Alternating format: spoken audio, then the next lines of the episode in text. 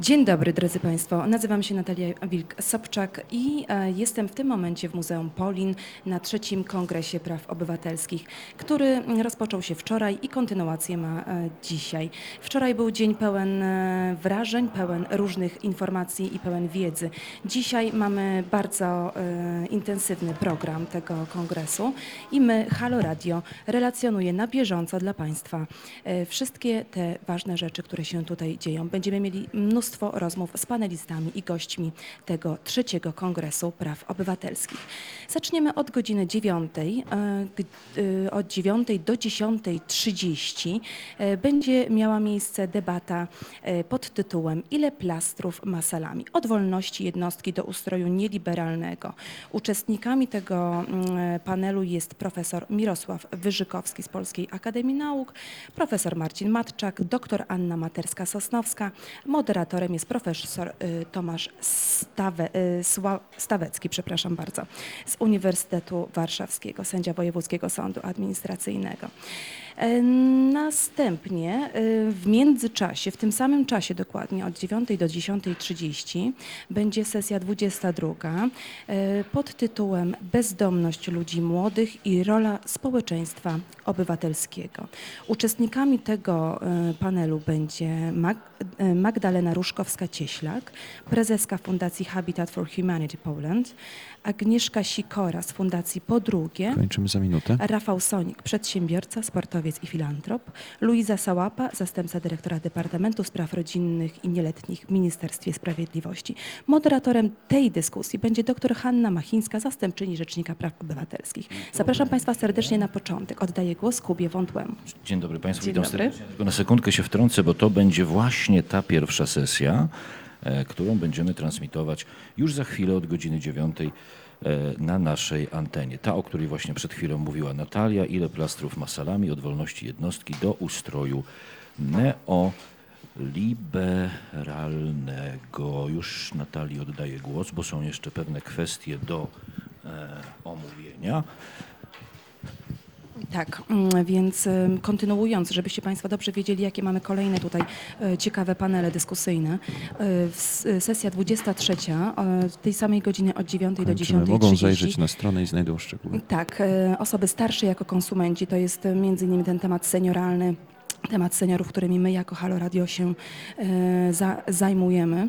E, Także drodzy Państwo, oczywiście e, e, odsyłam Was na stronę internetową Trzeciego Kongresu Praw Obywatelskich, żebyście spojrzeli sobie dokładnie, jak wygląda ten grafik i przyszli, uczestniczyli, posłuchali, porozmawiali. My jesteśmy na pierwszym piętrze, Halo Radio jest na pierwszym piętrze i na tym piętrze będziemy rozmawiać z naszymi panelistami i gośćmi.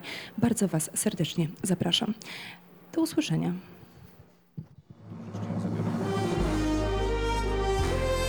Halo Radio.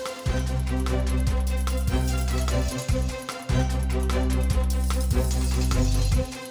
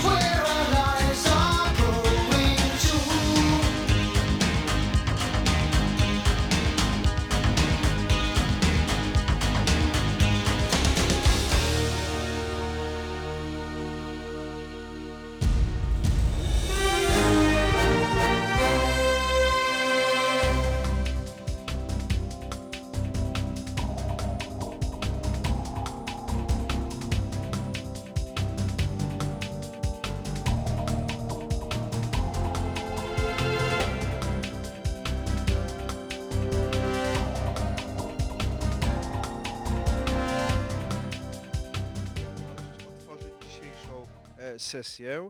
E, Sesję, e, jedną z e, sesji w ramach naszego kongresu poświęconego prawom jednostki, prawom obywatelskim. Sesję, która, której tytuł został metaforycznie sformułowany Ile plastrów ma salami? Oczywiście wiadomo, że nie chodzi o rozwój przemysłu mięsnego w tym kraju, ani w jakimkolwiek innym, ale o słynną od chyba połowy lat 50. taktykę salami, węgierską zresztą, e, taktykę polegającą na e, zmniejszaniu plasterek po plasterku pewnej, e, pewnej całości, która jest dla nas cenna. Ale, ale szczegóły będziemy już dalej tutaj rozmawiali, omawiali. Postaramy się Państwu za, zaproponować pewne, pewne idee do przemyślenia i włączyć Państwa do dyskusji w tym, w tym zakresie. E, Macie Państwo e, niezwykłą okazję e, wysłuchać, uczestniczyć w sesji, w której, której uczestnikami panelu jest pani profesor Dobrze. Pani profesor Anna Materska-Sosnowska, pan e, pan profesor Marcin Matczak i pan profesor e, Mirosław e, Wyżykowski. Wszystkie osoby, e, włącznie z mówiącym te słowa, reprezentują Uniwersytet Warszawski, więc e, e, choć różne wydziały, e, także to jest jakby środowisko tutaj bardzo bliskie i Rzecznikowi Praw Obywatelskich i, e, no i dla e, tej problematyki. Moje nazwisko Tomasz Stawecki, też mam przyjemność e, tutaj uczyć studentów, ale czasem występować właśnie w takiej roli. Żeby nie przedłużać, e, pozwolę sobie oddać głos e, e, panelistom, przy czym e, e, tutaj wstępnie uzgodniliśmy, że pierwszą osobą zabierającą głos będzie e, pan profesor Mirosław Wyżykowski, który jako sędzia Trybunału Konstytucyjnego przez wiele lat bronił praw obywatelskich, wie jak to się robi, wie jakie zagrożenia e, e, można spotkać e, i jak ewentualnie z nimi sobie radzić. Więc panie profesorze, ile plastrów ma salami? Dziękuję bardzo. Bardzo dziękuję za zaproszenie do udziału w kongresie i w tym panelu. Ale zanim y, spróbuję odpowiedzieć i chyba w drugiej części y, naszego spotkania na, to, na te pytania, które Pan zadał, Panie Profesorze, to chciałbym pokazać problem w nieco szerszej perspektywie. Y, Nawiązując do Welbecka, trochę poszerzyć pole walki. A zacznę od tego tytułu naszego, s- y, naszego spotkania. No i zastanawiam, przyszło mi do głowy, że no, salami trzeba pokroić. E, I zatem pytanie jest, co jest nożem? Jak można określić nóż, który kroi to salami, a co to jest salami za chwilę? Otóż e, mam wrażenie, że e, nożem, który kroi salami, e, są konstytucyjne organy państwa, e, mianowicie e, e, władza wykonawcza i władza e, e, ustawodawcza i władza wykonawcza, przede wszystkim prezydent Rzeczpospolitej w części władzy e, e, wykonawczej, no ale nóż e, e, może się e, stępić. W związku z tym potrzebna jest e, e, ostrzałka. I myślę, że taką funkcję ostrzałki od noża od pewnego e, czasu pełni Trybunał Konstytucyjny, o czym za chwilę. Mm, e, No a teraz pytanie o to, e, co to jest salami w naszym rozumieniu. Otóż e, salami to jest konstytucyjny porządek państwa, czyli to wszystko, co określa status obywatela i określa status organów państwa w całej tej maszynerii, która jest maszynerią konstytucyjną. I salami jest, czyli konstytucyjny porządek państwa. Przyjmijmy jego zasady, te, które są określone w rozdziale pierwszym Konstytucji, Rzeczpospolita, to jak popatrzymy na najważniejsze elementy składowe rozdziału pierwszego, to okazuje się, że te najważniejsze elementy składowe są ucinane. Ucinane tym nożem, o którym mówimy. Mówiłem, czy zaproponowałem, żebyśmy rozumieli. Bo po pierwsze, y, Rzeczpospolita jest dobrem wspólnym wszystkich obywateli. Mam duże wątpliwości co do sposobu rozumienia pojęcia dobra wspólnego z perspektywy działań władzy ustawodawczej i wykonawczej. Po drugie, e, Polska jest demokratycznym państwem prawnym, no ale mam wrażenie, że do tego e, sformułowania i do rzeczywistości można e, przypisać jeden z elementów stanów nadzwyczajnych w Polsce, mianowicie stan klęski żywiołowej. Od czterech lat mamy do czynienia z klęską demokratycznego państwa prawnego spowodowaną działaniem żywiołu politycznego. Inne, inna zasada ustrojowa e, to jest suwerenność narodu, no ale e, suwerenne jest to państwo, w którym organy jego, jego organy konstytucyjne przestrzegają konstytucji i przestrzegają prawa.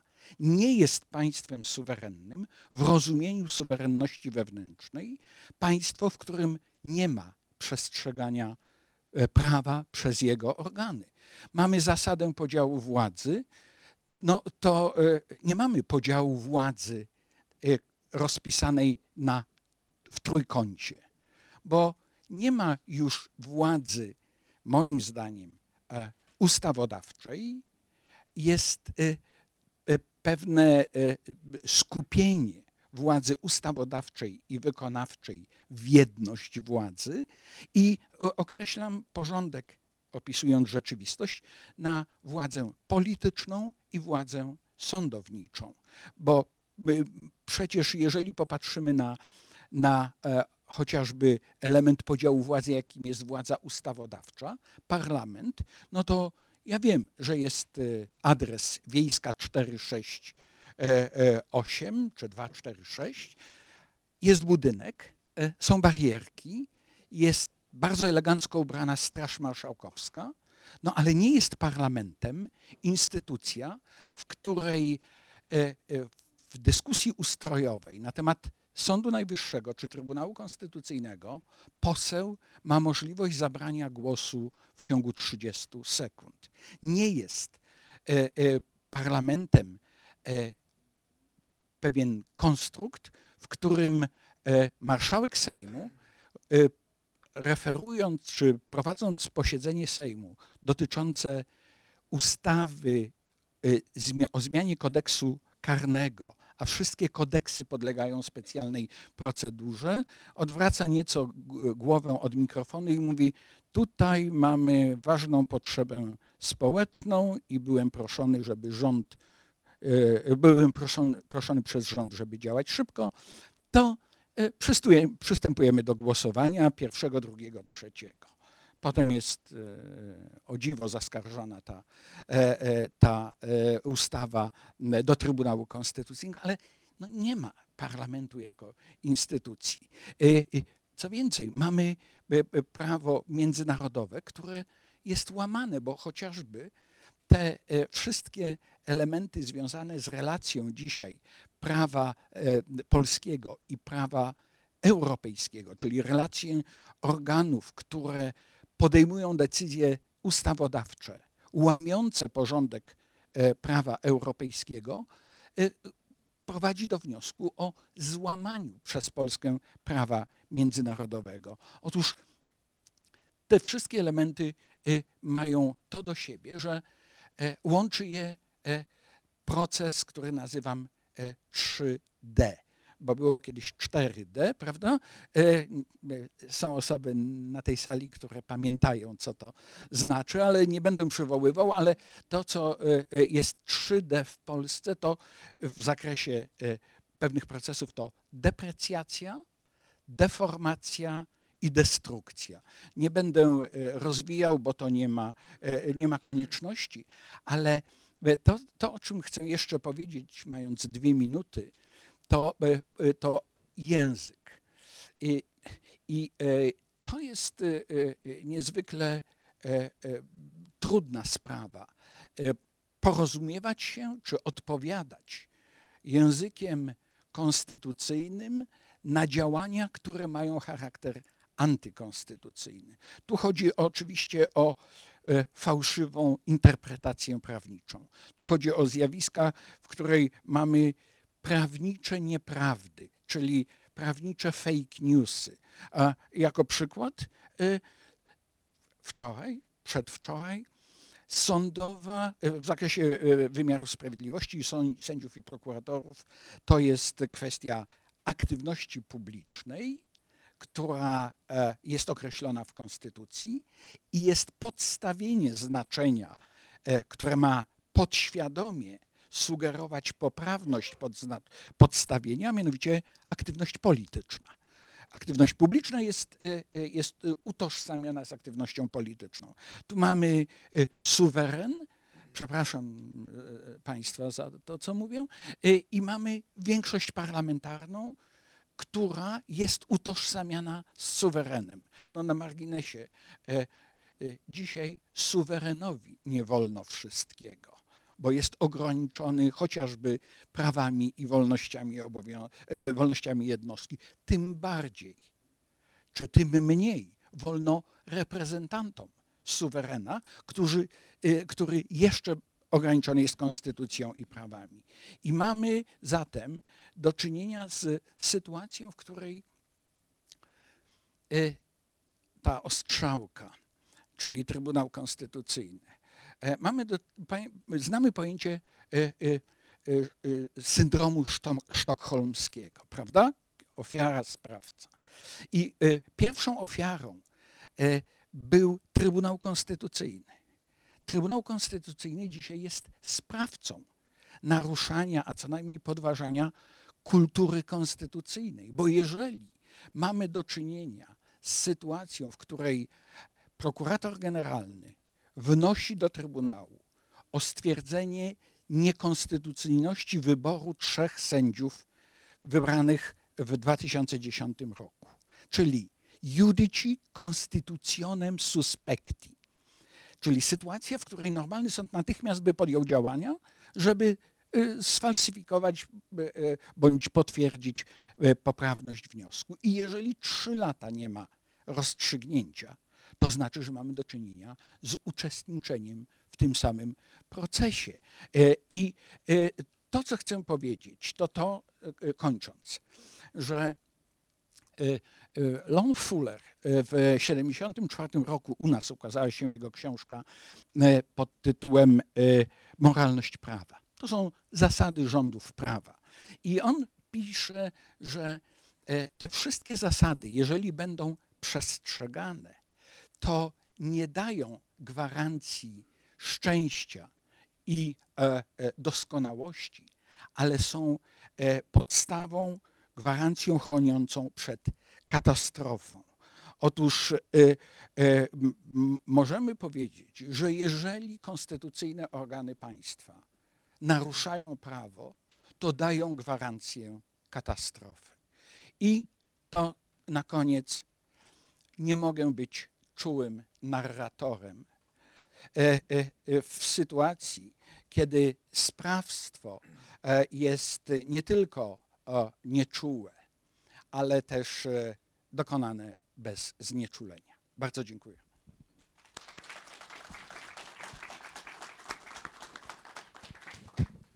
Bardzo dziękuję.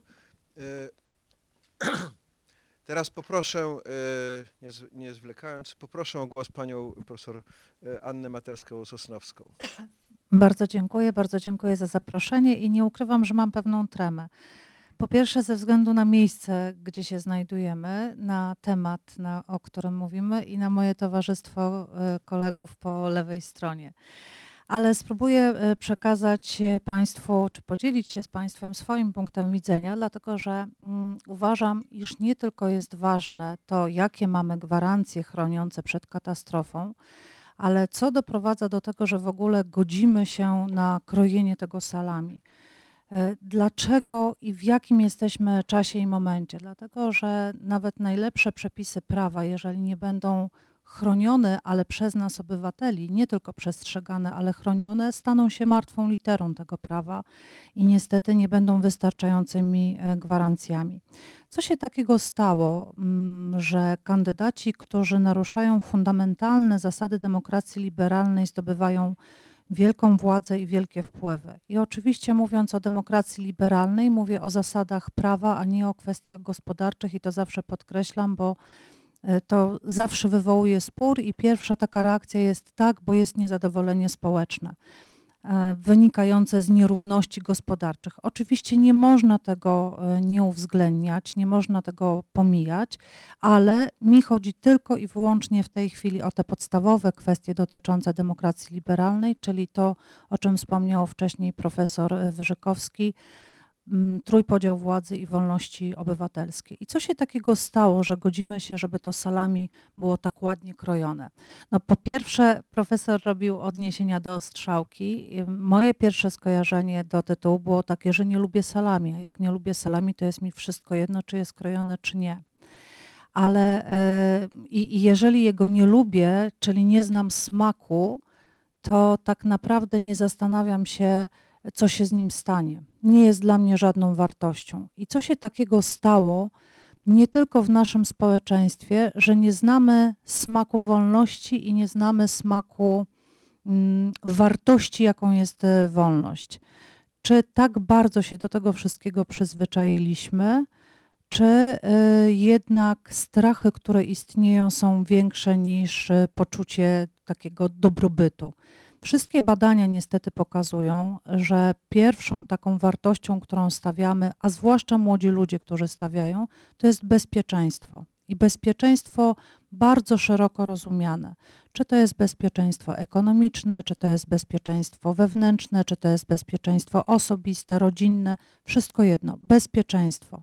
I teraz ci kandydaci naruszający fundamentalne zasady demokracji liberalnej mówią do nas pięknym językiem. My wam zapewnimy bezpieczeństwo.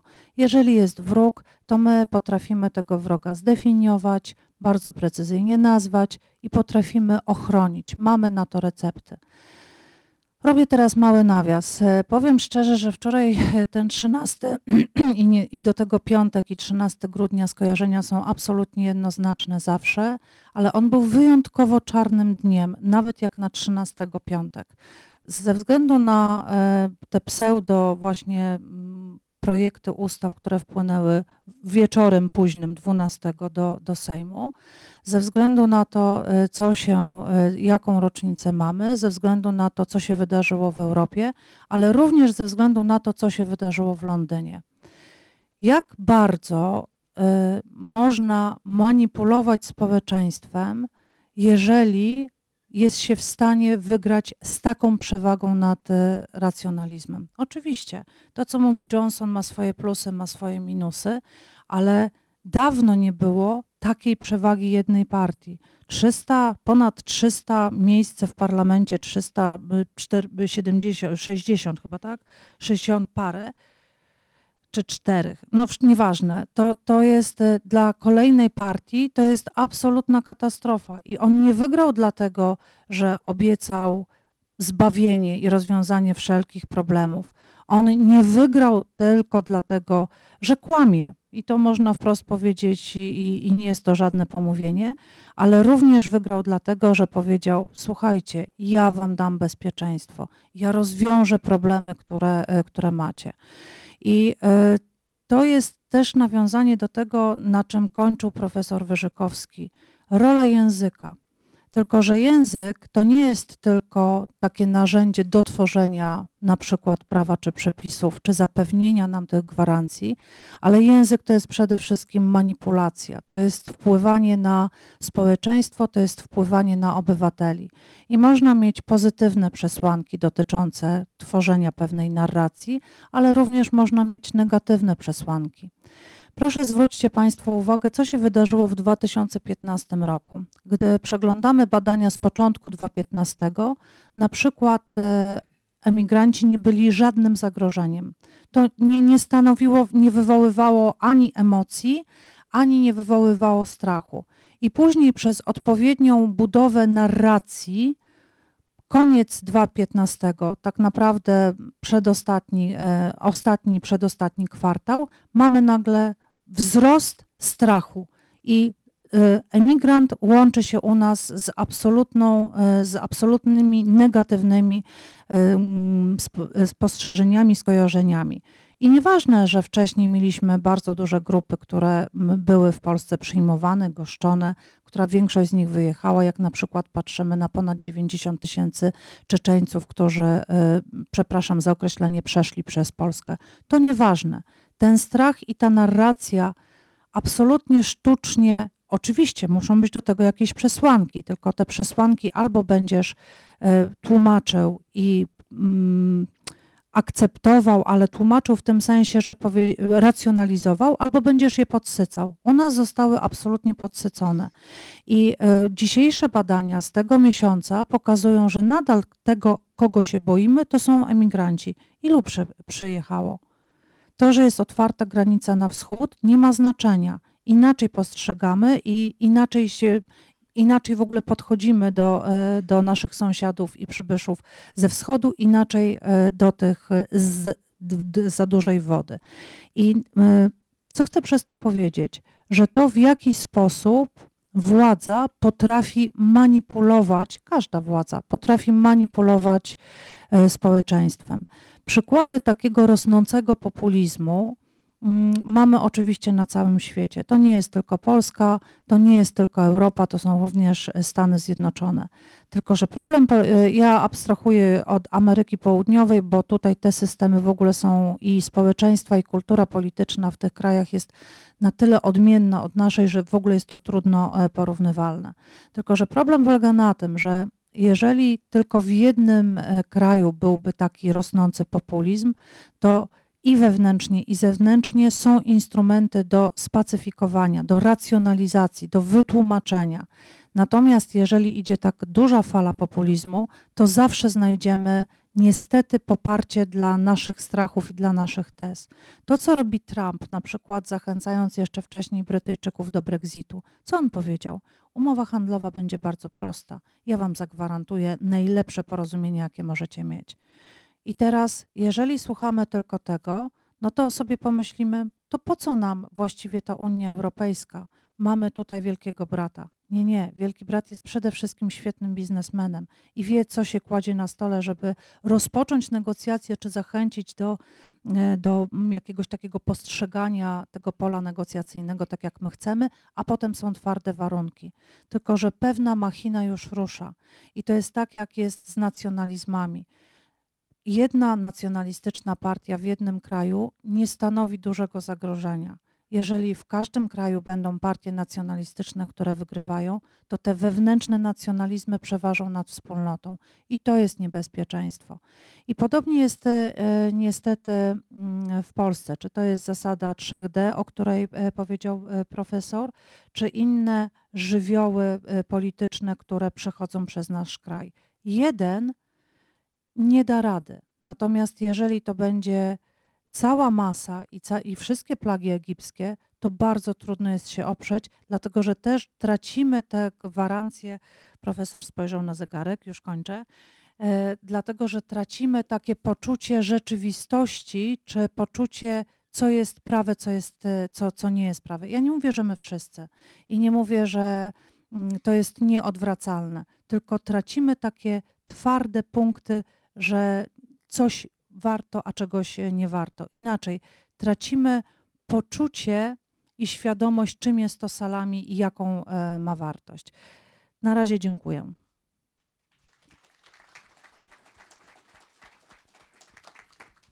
Bardzo serdecznie dziękuję. Proszę Państwa, nasz, nasza tutaj rozmowa wspólna rozwija się znakomicie. Mieliśmy spojrzenie prawnika, który patrzy przede wszystkim przez pryzmat instytucji i spojrzenie politologa, chyba tak to się nazywa, który mówi spójrzcie na ten świat. Prawda? Instytucje do niego są potrzebne, ale spójrzcie na ten świat, spróbujcie pomyśleć o smaku salami metaforycznie rzecz biorąc. Bardzo proszę teraz drugiego prawnika e, i proszę o jego spojrzenie. Dziękuję. Dziękuję, dziękuję bardzo.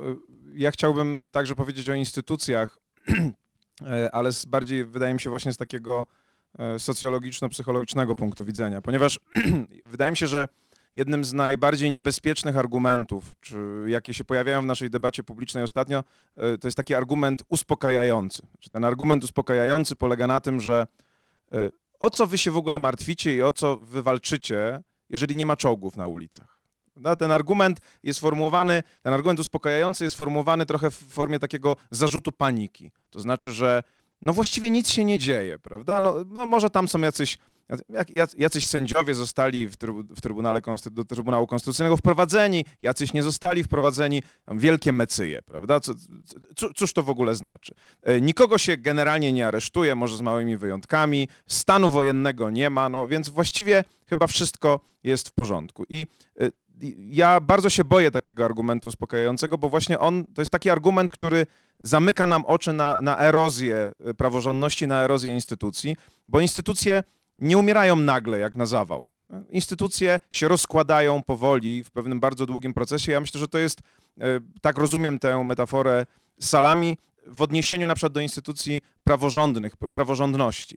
Otóż instytucje, jak mówię, umierają powoli, e, a nie od razu i dlatego konieczna jest reakcja, która moim zdaniem w Polsce jednak wystąpiła. E, Taka reakcja pod hasłem zero tolerancji. Dlatego, że jeżeli instytucje, takie jak instytucje praworządności, o- które chronią praworządność, wejdą na pewną równię pochyłą, to, to już się nie da zatrzymać tego procesu, tego procesu erozji. I świadczy o tym mnóstwo przykładów, zarówno przykładów historycznych, jak i takich przykładów e, socjologicznych, a nawet eksperymentów psychologicznych. E, Zacznijmy może od takiego, takiego obrazu, który dla mnie jest tutaj bardzo, bardzo silny, który może pokazywać, jak te, co, co się z tymi instytucjami może, może dziać. Mianowicie instytucje są zależne od ludzkiego zaufania p- kładzionego w te instytucje, od pewnego rodzaju stanu mentalnego ludzi, którzy wierzą, że tak być powinno, a nie inaczej. Widzimy to wtedy, kiedy państwo zaczyna się rozkładać, kiedy państwo oglądają na przykład sytuację z Wenezueli, która jest w bardzo głębokim kryzysie, gdzie nagle okazuje się, że instytucja pieniądza, to też jest instytucja, która jest zależna od ludzkiego zaufania, nagle upada, dlatego że ludzie y, y, atakują banki, włamują się do banków, ale nie po to, żeby z nich zabierać pieniądze, bo pieniądze są bezwartościowe, ale żeby zabierać komputery, ławki i krzesła, bo jeszcze to da się, da się sprzedać.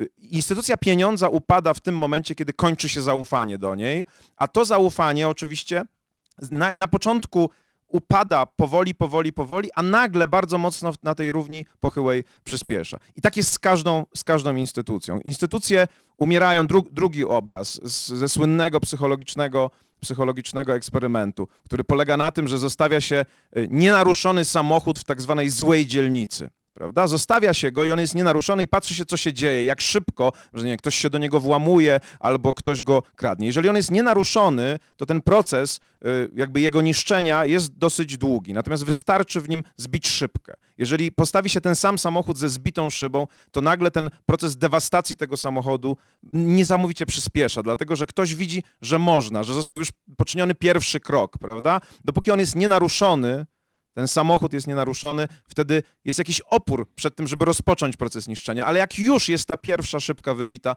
to wtedy błyskawicznie ten proces niszczenia następuje. I dla mnie e, ten obraz tego samochodu, który jeżeli jest nienaruszony, to stoi i, i, i trwa i, i nie jest niszczony, a kiedy jest właśnie chociaż napoczęty, to wtedy niszczy, zostaje zniszczony bardzo szybko, to jest taki obraz instytucji, także instytucji państwa praworządnego. My dlatego wychodzimy na ulicę i dlatego tak się obawiamy każdego ruchu, który następuje, tego niszczącego, bo wiemy, że jedno wyłamanie y, w Trybunale Konstytucyjnym, czy właśnie w szacunku dla sądów, w szacunku dla wyroków, to jest jak ta zbita szybka w tym samochodzie. Później już pójdzie łatwiej, dlatego że życie społeczne jest oparte na precedensach. Jeżeli widzimy, że ktoś robi jakieś zło, to trochę na zasadzie takiej mimikry zauważamy, no że chyba wolno, prawda? Bo jeżeli nikt się temu nie przeciwstawia, to wtedy robię następny krok i robię następny krok i ta erozja, erozja postępuje. I znamy też ten, ten proces erozji z przykładów historycznych. Jeżeli Państwo spojrzą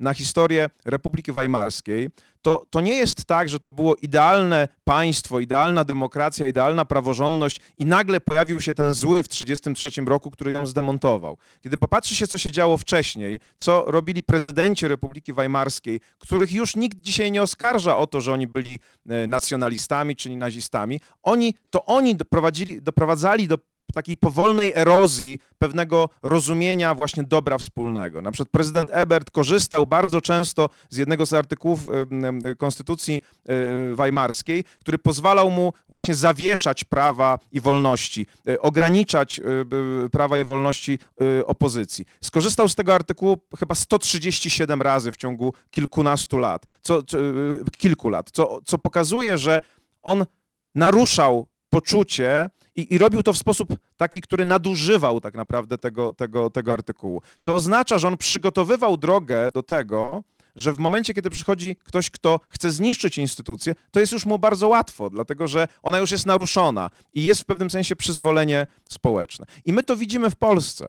Jeżeli mieliśmy 30 lat szacunku dla instytucji takich jak Trybunał Konstytucyjny czy dla wyroków sądowych, to udawało się nam budować y, państwo prawa od zera do, do czegoś, co można było nazwać y, niewątpliwie sukcesem. Czy W sytuacji społeczeństwa postkomunistycznego, w traumie takiej posttotalitarnej, zbudowanie tego, co się w Polsce udało, moim zdaniem było bardzo dużym sukcesem. I nagle w roku 2016 premier polskiego rządu mówi, nie mam zamiaru, zamiaru akceptować wyroku Trybunału Konstytucyjnego. I to jest tak, jakby ktoś zbił szybkę w samochodzie, który stoi w złej dzielnicy. Bo nagle okazuje się, że ludzie na salach sądowych myślą sobie, no skoro premier rządu tak, może tak powiedzieć, no to chyba ja także mogę, prawda? Ja, ja mogę naśladować to zachowanie. I, i y, za chwilę, już, już, już za moment, pamiętam, była taka niesamowita sytuacja na sali Sądu Najwyższego, myślę, że Państwo to pamiętają, jak jeden y, członek publiczności próbował wyciągnąć broń interweniującemu policjantowi. Był taki moment, który, takie zdjęcie bardzo poruszające, gdzie nagle okazuje się, że on po prostu wie, że on może. Tak? Na szczęście nie doszło do jakiejś tragedii, ale to jest ta sytuacja, kiedy on patrzy na tę władzę, na tę instytucję i mówi, ja ciebie już nie muszę szanować, dlatego że ktoś dał mi przykład. I następuje ten, ten, ruch, te, ten ruch tej ręki po, po, po, po to insygnium władzy polic- policyjnej jest już pokazaniem tego, że ja już nie mam szacunku, ja mogę. Normalnie człowiek takich rzeczy nie robi, a tutaj zaczyna to robić. I słyszymy, że na salach sądowych coraz częściej pojawiają się takie sytuacje, że podsądni są agresywni wobec sędziów, straszą ich, podsądni straszą sędziów postępowaniem dyscyplinarnym. Kogo oni naśladują? No naśladują Ministerstwo Sprawiedliwości, które, które to robi. Dlaczego wychodzimy na ulicę i mówimy i bronimy państwa prawa? Dlatego, że wiemy, że instytucje nie umierają nagle, tylko jest to powolny proces erozji, który przygotowuje grunt dla kogoś, kto może mieć jeszcze gorsze, jeszcze gorsze y, zamiary. To naprawdę, nie, mimo że system, w którym żyjemy, moim zdaniem jest już teraz semi-autorytarny, to nie jest tak, że my uważamy, że y, obecna nasza władza jest władzą totalitarną. Moim zdaniem ona nie jest władzą totalitarną, ona jest władzą z, taką, taką y, półautorytarną. Natomiast największy problem polega na tym, że ona przygotowuje grunt dla kogoś gorszego, a nigdy nie wiemy, czy ten ktoś nie przyjdzie. Jeżeli w środku tej kadencji, która teraz następuje, na Polskę spadnie kryzys ekonomiczny, a to się może zdarzyć.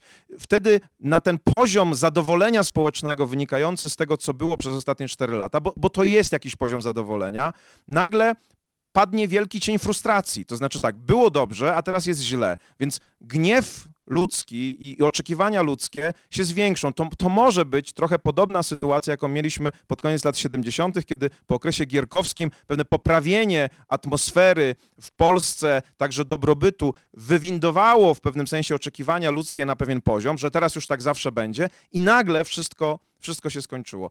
Jeżeli tak nastąpi, jeżeli taka sytuacja będzie miała miejsce i jeżeli będą kontynuowane te procesy, o których tutaj przed chwilą słyszeliśmy właśnie, tego, że ludzie chcą więcej bezpieczeństwa, mniej wolności. Jeżeli nasza młodzież, która ma ewidentnie ciągoty takie e, prawicowe, nawet bym powiedział troszeczkę autorytarne, e, będzie coraz częściej głosować, to nie można wykluczyć tego, że po Prawie i Sprawiedliwości przyjdzie ktoś, kto będzie już naprawdę bezprawiem i niesprawiedliwością w sensie takim ścisłym. To znaczy, że przyjdzie partia, która będzie jeszcze bardziej na prawo i będzie miała przygotowany grunt, bo powie, Jak to, my łamiemy konstytucję? No przecież wcześniej te sytuacje z nieakceptowaniem wyroków, z niepublikowaniem wyroków stały się w pewnym sensie zwyczajem konstytucyjnym. Tak? Przecież tyle razy to było już robione, w związku z tym my po prostu postępujemy dokładnie, dokładnie tak samo. I to jest największe zagrożenie.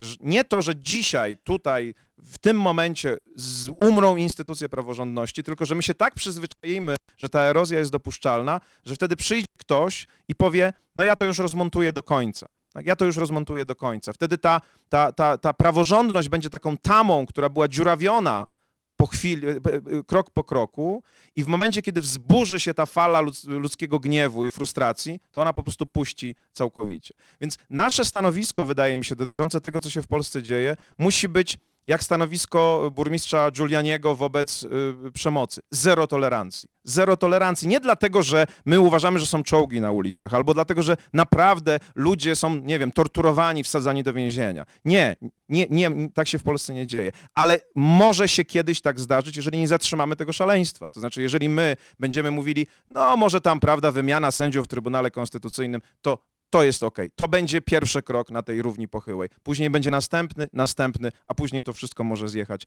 w dół. Więc y,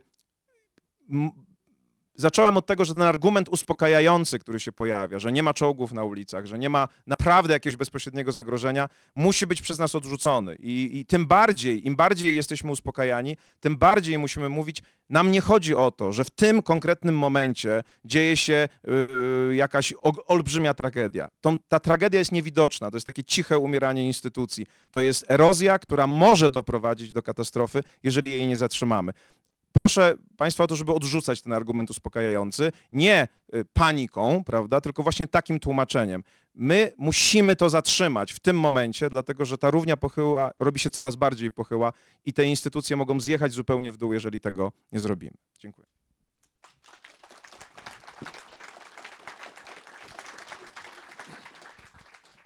Bardzo dziękuję za trzecią wypowiedź i dziękuję całej trójce e, panelistów za, za te wypowiedzi.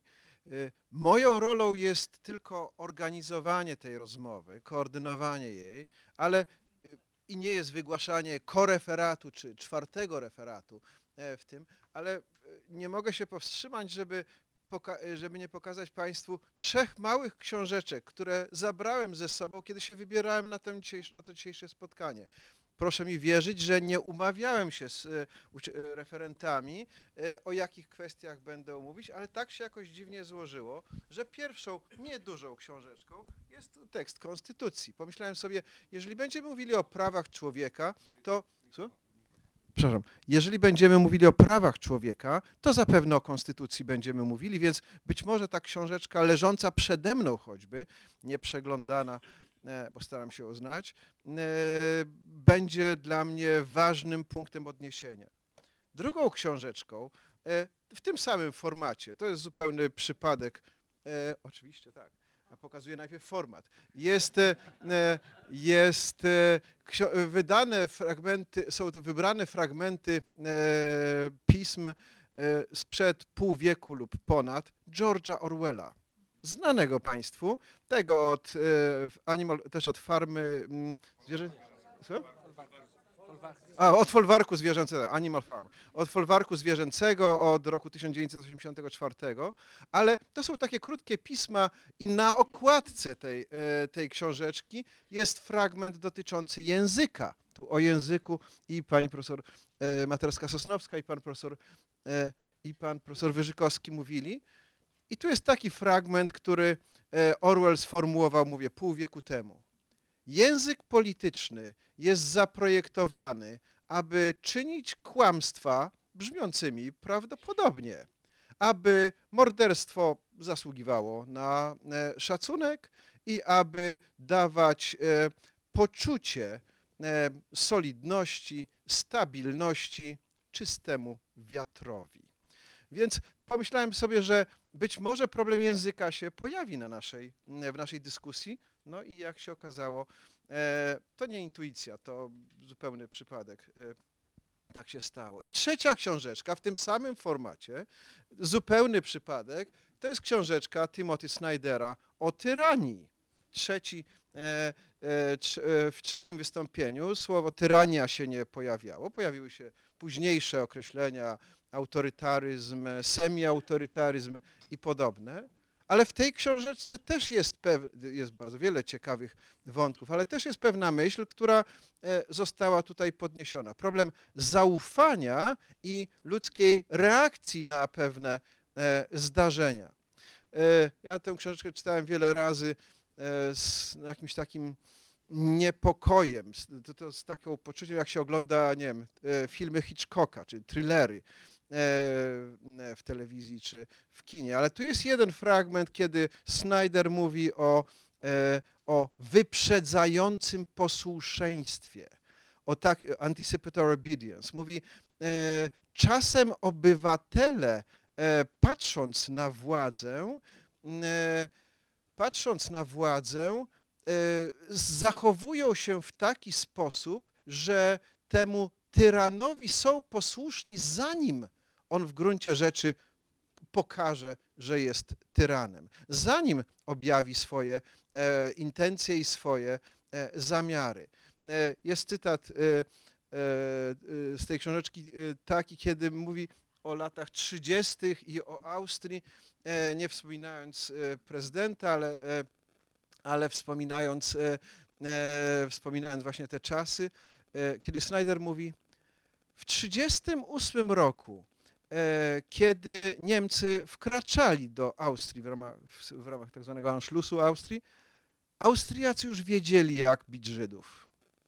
Więc te trzy wątki, język polityki, instytucje, o których e, musimy myśleć i których e, w jakimś sensie trzeba bronić bez względu na okoliczności i rolę, rola nie tyle rządzących, co rządzonych w tym całym procesie wydają się rzeczywiście e, istotne. O tych trzech wątkach e, mówili nasi referenci i proponuję naszą dyskusję zacząć właśnie od tych trzech wątków. E, Bardzo proszę. To jeśli można teraz odwrócić kolejność, a propos tego, co pan profesor powiedział i profesor Matczak przed chwilą. Mm, Problem polega na tym, że jest coraz mniejsze przywiązanie do demokracji i to tak można spróbować delikatnie generalizować, aczkolwiek wszelkie generalizacje są niebezpieczne. Ale e, ten problem e, właśnie takiego braku przywiązania do demokracji ma bardzo różne korzenie. W niektórych państwach wynika to z tego, że e, skuteczność władzy jest większą wartością niż demokracja. E, I to się objawia między innymi właśnie w takich e, bardzo populistyczno-prawicowych e, skłonnościach, przy takich skłonnościach. A drugi niestety rodzaj takich państw to jesteśmy my, czyli tam, gdzie przywiązanie do instytucji jest bardzo krótkie. Profesor Matczak powiedział, 30 lat budowaliśmy instytucje. Z całym szacunkiem to jest nic. Nie mamy tradycji e, państwa demokratycznego, nie mamy tradycji państwa, e, w którym jest wykształcony szacunek do instytucji. E, je- Jeżeli weźmiemy pod uwagę, że tak naprawdę od 1989 roku jest budowa tychże instytucji, to to jest jedno pokolenie, a jedno pokolenie to jest za mało, żeby wiedzieć, czym jest strata czy jak może to wyglądać, jeżeli te instytucje się e, straci e, prawidłowe. I ja w tym widzę największe zagrożenie, nie, największe niebezpieczeństwo. Rządzący mówią to, o czym też Pan e, wspomniał, że to jest tak na miękko robione. Dzisiaj troszeczkę tego rozmontujemy, jutro troszeczkę tego. W którymś momencie przywykamy, mm, przywykamy, bo nie jesteśmy w stanie nadążyć w takim ciągłym i, i, i trudno, bardzo trudno się żyje w takim ciągłym napięciu i w takiej ciągłej walce. W związku z tym następuje gdzieś, nie chcę powiedzieć, że zgoda, ale przyzwolenie na e, kolejne kroki. I problem polega na tym, że e, oczywiście stary truizm, władza wypacza, władza mm, całkowita wypacza całkowicie, czy demoralizuje. Każde zagarnięcie fragmentów wolności obywatelskich nie będzie oddane przez następną władzę, przez kolejną władzę. Jeżeli my jako obywatele tego nie wywalczymy, dlatego że jeżeli władza przejmie kawałek, to powie, to już jest moje. To można tak zrobić. I nie musi tego nazywać, czy to jest ograniczenie konstytucji, czy łamanie. Nie, to jest w jakiś sposób obejście. I moim zdaniem w tym są takie największe, najpoważniejsze e, zagrożenia. Jeżeli pozwolicie Państwo, podzielę się taką refleksją, która bardzo osobistą refleksją, mam tego świadomość, ale to jest obraz, który we mnie już zostanie, a naprawdę mnie wstrząsnął. A propos różnej e, literatury, którą warto czytać, jak wiemy, Barbarzyńca u bram. E, Wspomnienia ambasadora amerykańskiego w Berlinie 30, od 1933 roku. E, Tę książkę czytałam e, akurat e, na przełomie marca, e, lutego i marca zeszłego roku. Dlaczego podaję tę datę? Dlatego, że na swoje nieszczęście znalazłam się na placu Unii Lubelskiej 1 marca po południu i był, e, była demonstracja zwolenników żołnierzy wyklętych. Oni szli z Rakowieckiej. Nie dosyć, że byli prawie że tak samo ubrani, przeważali młodzi, dzielni mężczyźni, oni szli z pochodniami. Dla mnie to zestawienie z książką, którą wtedy czytałam, było przerażające. I jest gdzieś na to przyzwolenie. I to przyzwolenie jest i w małych rzeczach, i w dużych rzeczach. I to przyzwolenie jest na przykład e, w e, umorzeniu sprawy e, portretów wiszących na rynku we Wrocławiu i umorzenie jest w uznaniu swastyki za znak słońca. To są szczęścia, przepraszam, tak, indyjski zresztą, prawda? I to, są, I to są takie rzeczy, ale to są takie rzeczy, no nie, nie opublikujemy e, wyroku i co nam zrobicie. I nie zastosujecie i co nam zrobicie. I, i tutaj jest jakieś takie, e, to jest psucie nie tylko państwa, ale to jest e, psucie charakterów i psucie kręgosłupów. I teraz zobaczcie, drodzy Państwo, co się z nami stało. Ja nie porównuję nas absolutnie do Hongkongu, gdzie naprawdę jestem pełna podziwu dla tych ludzi, dlatego że e, pomimo, że była brytyjska kolonia, to jednak e, w całej tej kulturze e, chińskiej, w całej tej kulturze wschodniej wolność jednostki, a poszanowanie dla instytucji państwa jest zupełnie inaczej kształtowane niż, niż w Europie. I tam są wielotysięczne demonstracje. Spójrzmy na nasz region, bo mówi się, to jest e, regionalnie, tak? Tam, gdzie są dobrze zakorzenione instytucje demokratyczne, na przykład e, państwa skandynawskie, Niemcy, Francja, będą inaczej wyglądały demonstracje niż w krajach, które nie mają takiej tradycji, takiej kultury, Europa Środkowo-Wschodnia. I co? Słowacja, Czechy, Rumunia? Jakie były demonstracje? Czy uda się tym powstrzymać władzę? Nie, ale niepowstrzymywanie daje przyzwolenie.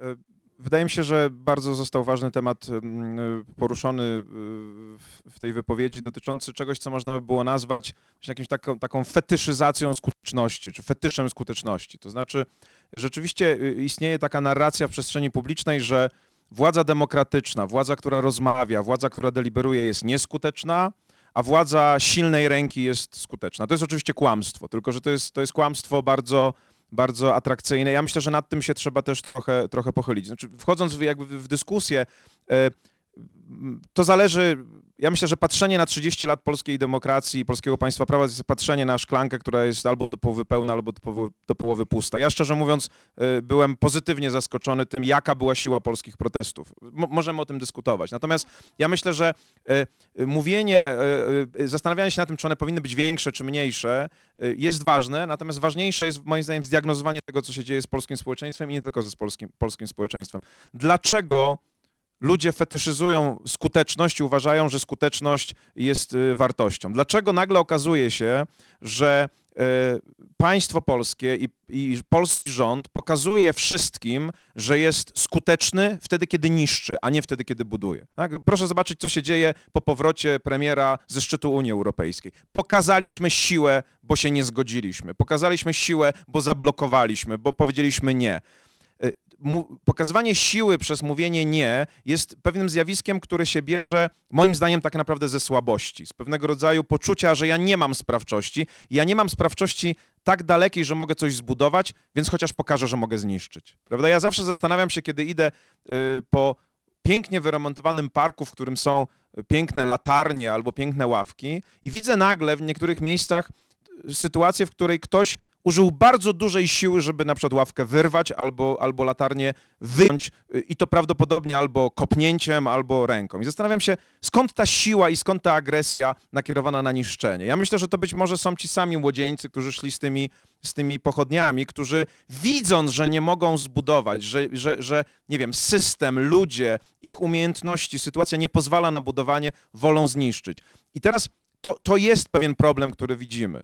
Wydaje mi się, że ta, te- ten fetysz skuteczności, podziwianie kogoś, kto tak jak Trump przychodzi i mówi, ja wam zaproponuję proste rozwiązania. Jest złożony problem migracji, a ja wybuduję mur i on zostanie rozwiązany.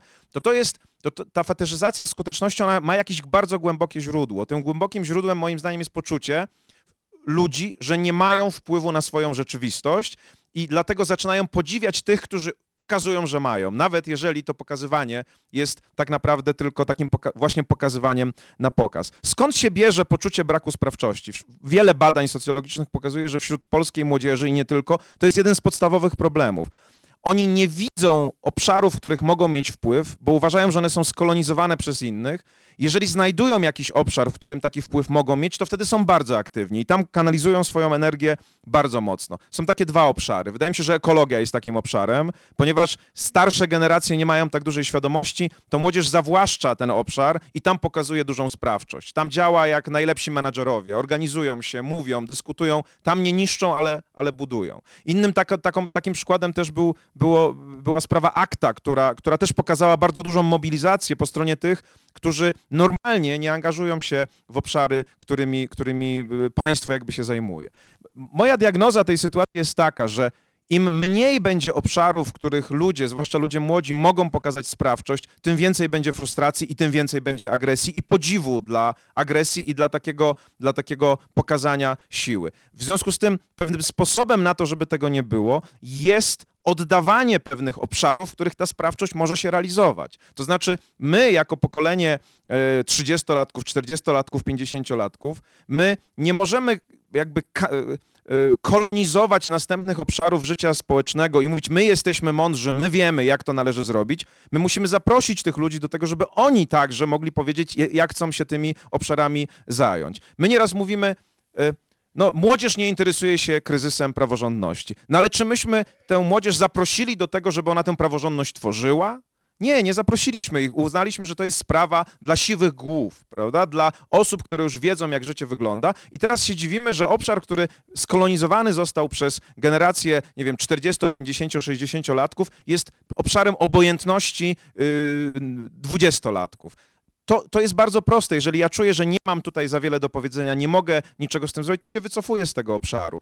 A jeżeli nie mam ob- żadnego obszaru, w którym mogę cokolwiek pozytywnego zrobić albo coś zbudować, to zaczynam fetyszyzować skuteczność innych, które przynajmniej niszczą. I dlatego ja myślę, że to, o czym my dzisiaj tutaj też rozmawiamy, to jest też zadanie w pewnym sensie psychologiczno-socjologiczne dla nas. Dajmy głos dzieciom naszym, dajmy głos naszej młodzieży, żeby ona mogła powiedzieć, co chce zrobić w tym, czy w tym, czy w tym obszarze, bo jeżeli my zamkniemy te drogi, jeżeli nie zaprosimy ich do tego, to oni się najpierw wycofają, a później swoją frustrację wyrażą w inny sposób. Albo marszem takim, albo e, podziwem dla kogoś, kto przychodzi i powie, ja to wszystko załatwię, bo ja jestem silnym człowiekiem. A jak mówię, on, ten człowiek nic załatwi. To jest, to jest mówienie przez kogoś, kto jest silny, kto uważa, że jest silny, że on załatwi przez zniszczenie, to jest, to jest takie twierdzenie, że dyplomację da się krzykiem załatwić. Nie, dyplomacja, działanie musi być działaniem powolnym i takie działanie oparte na deliberacji jest skuteczne. Krzyczenie i niszczenie jest, jest nieskuteczne. Myślę, że to jest ważne, żebyśmy także o tej kwestii, o tym obszarze pomyśleli. Dziękuję. I tak e, w kontekście ostatniej części wypowiedzi pana profesora Matczaka myślę, że na moim miejscu powinien się, powinna siedzieć jedna z osób, która stoi pod e, ścianami tam z pokolenia, e, które będzie, jest dzisiaj już odpowiedzialne za to, co będzie się z nami działo, e, co będzie się z nimi działo i z następcami. A trzy krótkie uwagi. Po pierwsze, w, kontekście tego, co było przed chwilą powiedziane. Po pierwsze, w- w listopadzie i w grudniu 2015 roku myślałem, że to jest koniec mojego świata, że już więcej nie, będzie, nie nastąpi nic, co spowoduje, że mój świat będzie wywrócony. Mój świat jako prawnika, y, sędziego, y, nauczyciela akademickiego będzie wywrócony do, do, do góry nogami. A liści, ja modliłbym się o to, żeby wrócił stan z listopada i grudnia 2015 roku, bo wtedy mieliśmy kryzys konstytucyjny. Od stycznia 2016 roku nie mamy już kryzysu konstytucyjnego. Mamy walkę z konstytucją. Mamy wojnę przeciwko konstytucji. I mam świadomość, że używanie pewnych słów dewaluuje znaczenie słów i zjawisk, ale to jest moja e, ocena sytuacji. Po drugie, e, e, dostosowujemy się w róż, wszyscy w różny sposób. Na przykład ci, którzy się opierają procesowi niszczenia państwa polskiego jako państwa konstytucyjnego, nawet ci zapominają o tym, czy nie pamiętają tak dobrze i tak ostro zdarzeń, które miały miejsce pół roku temu. E, Co jest naturalnym procesem, ale to powoduje, że nasze dzisiejsze, wczorajsze i dzisiejsze oburzenie za pół roku będzie miało inne, inny ciężar, inną temperaturę niż dzisiaj. I, w, I ja myślę, że procesy, które zachodzą w naszej świadomości, zostały e, znakomicie opisane w książce Welbecka Uległość.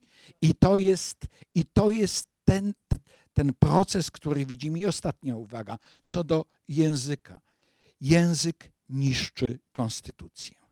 Bo jeżeli, jeżeli e, e, są na sali osoby w moim wieku, panowie, i pamiętamy, że w wojsku mówiło się, że każdy żołnierz nosi w plecaku buławę marszałkowską. Prawda? Ja myślę, że dzisiaj można powiedzieć, że każdy uczeń nosi w plecaku szkolnym buławę wiceministra sprawiedliwości. Bo jeżeli wiceminister sprawiedliwości jest w stanie powiedzieć, rozumiem w imieniu rządu, że akt nominacyjny prezydenta na stanowisko sędziego sanuje wszelkie nieprawidłowości i niegodziwości, które miały miejsce do chwili aktu e, e, nominacyjnego, to oznacza, że każdy uczeń każdej szkoły może być dzisiaj wiceministrem sprawiedliwości. A przynajmniej maturzystą, tak? Bardzo dziękuję e, za te wypowiedzi. Teraz moją rolą jako organizującego ten panel e, jest oddanie głosu Państwa. Widzieliśmy kilka, kilkanaście e, plastrów salami. Bardzo proszę o Państwa komentarze. Dzień dobry, dziękuję bardzo. Jacek Jasianek Tolerado, Stowarzyszenie z Gdańska. E, Bardzo dziękuję profesorowi Marczakowi za e, pokazanie, że dekonstrukcja polega na instytucji demokratycznych czy, czy państwa prawa, polega na procesie. To jest proces.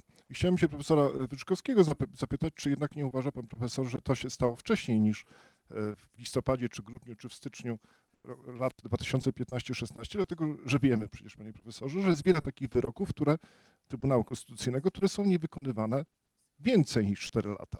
To jest pierwsza rzecz. A druga, e, też odniesienie do profesora Matczaka. Profesor mówił o e, spadku zaufania, że on jest powodem, dla których instytucje mogą być rozbierane. Mm, Pani, e, pani doktor z kolei powiedziała, że być może to jest spowodowane, jak rozumiem, tym, że politycy manipulują. Ale tak naprawdę, dlaczego spada to zaufanie? Z czego to wynika? Profesor Zielonka, socjolog z Oxfordu, twierdzi, że dlatego, że mm, ludzie nie czują, że mają wpływ na instytucje. Jakby Państwo to skomentowali? Dziękuję bardzo. Dobrze. Może jeszcze wysłuchamy dwóch głosów, żeby była. e, Tutaj były dwa zgłoszenia i zaraz będę panów, panach pamiętać. E, Krótko wrócimy do tych pytań i będzie. Przepraszam, tutaj pan rektor Woleński chyba zgłosił. Proszę o głos. Panowie niesłychanie krytycznie ocenialiście to, co się w tej chwili dzieje w Polsce od kilku lat.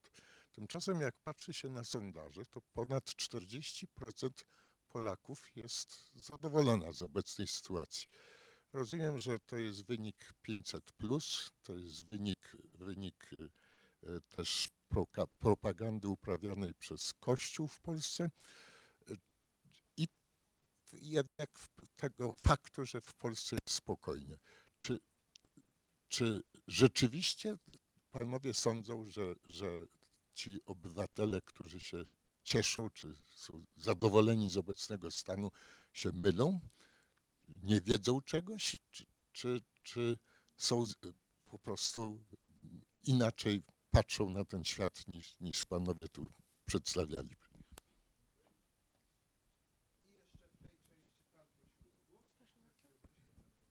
E, Maciej Orłowski, e, opozycja uliczna trochę.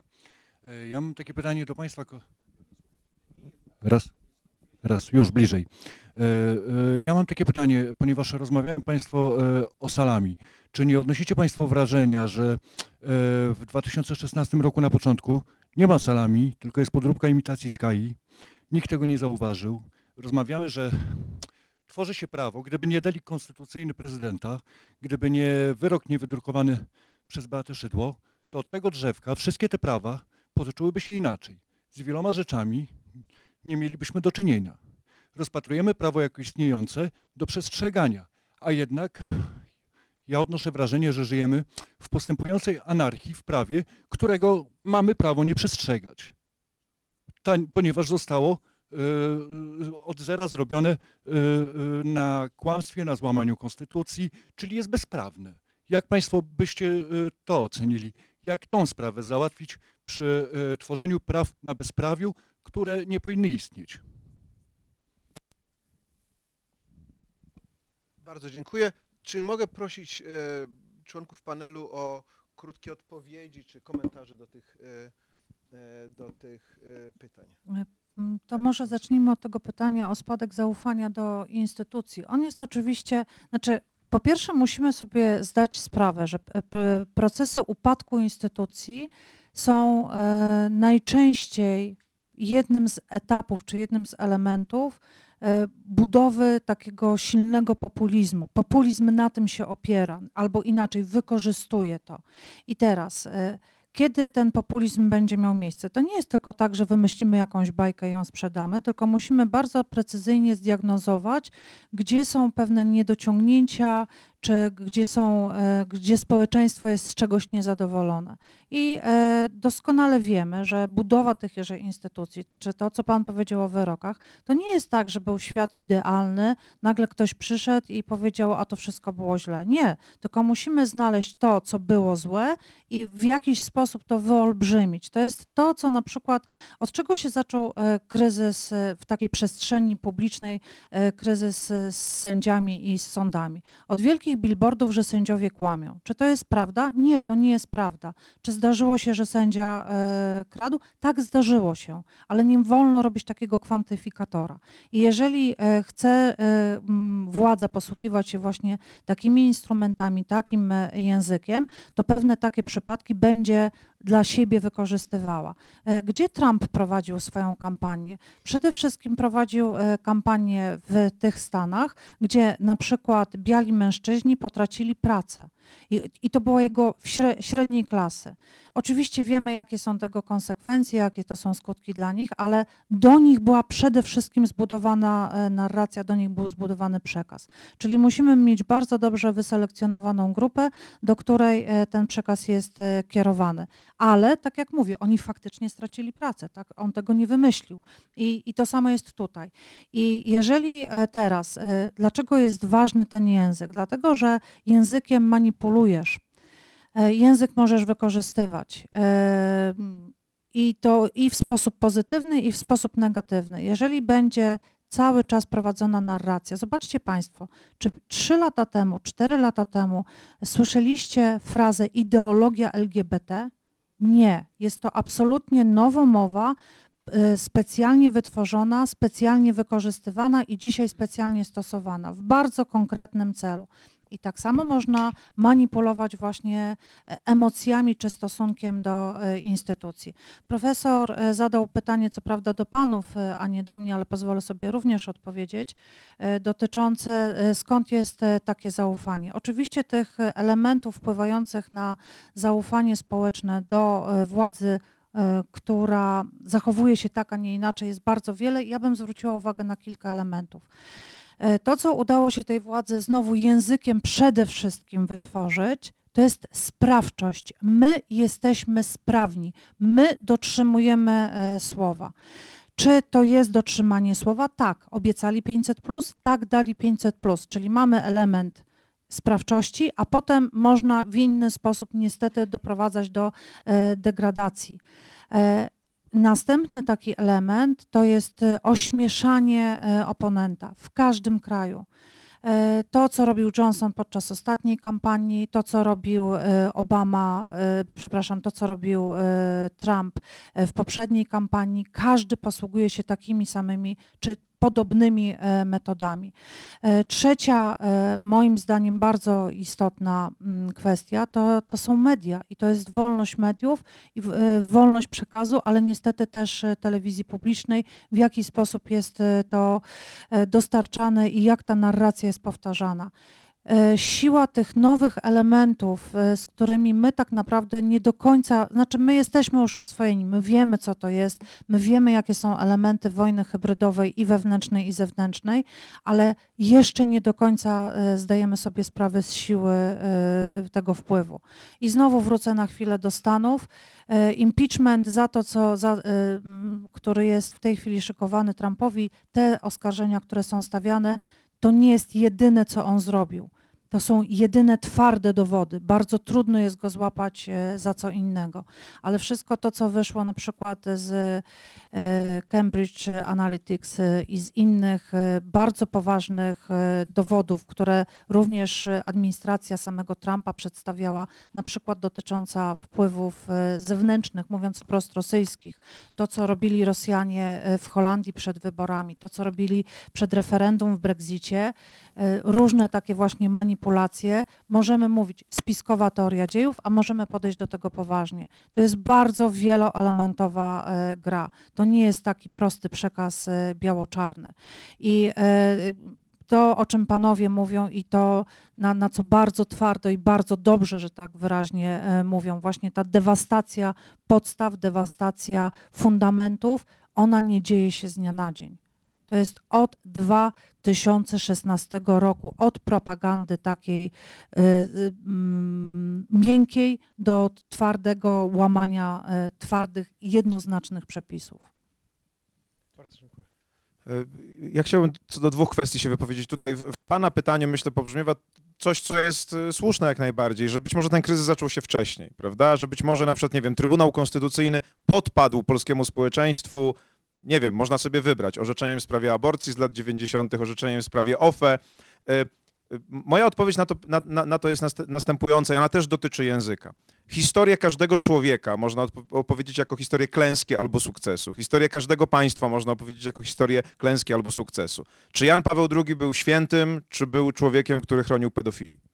Tak? Zależy na co pan zwróci uwagę. Czy Lech Wałęsa był zwycięzcą i bohaterem, czy był zdrajcą. Zależny, zależny jest od tego, na co pan zwróci uwagę. Nawet o Robercie Lewandowskim dałoby się powiedzieć, że jest wielką gwiazdą, ale jednocześnie nie wygrał Ligi Mistrzów, tak? nie dostał złotej piłki. Narracja zawsze jest selekcją. Tak? Ja mogę z historii wybrać y, te, każdego człowieka, pana, swojej najgorsze momenty, albo najlepsze. Problem jest taki, że nikt nie składa się z najgorszych albo z najlepszych. Każdy jest różny. Tak? Każdy jest różny. I teraz po to jest wolność wypowiedzi, po to musi być swoboda komunikacji, żeby ktoś mógł mówić, że Jan Paweł II był świętym i że jest jakiś problem z tym, że być może chronił pedofili. I żeby ktoś, kto tego słucha w przestrzeni, mógł sobie wyrobić zdanie. Jeżeli ktoś przejmuje media i prowadzi propagandę i mówi, że Wałęsa był wyłącznie zdrajcą, albo mówi, że Jan Paweł II był wyłącznie świętym, albo mówi coś na temat Roberta Lewandowskiego, co pokazuje tylko jedną stronę, to po prostu kłamie. Tak? A jeżeli dlatego przejmuje pewną, pewną y, narrację publiczną,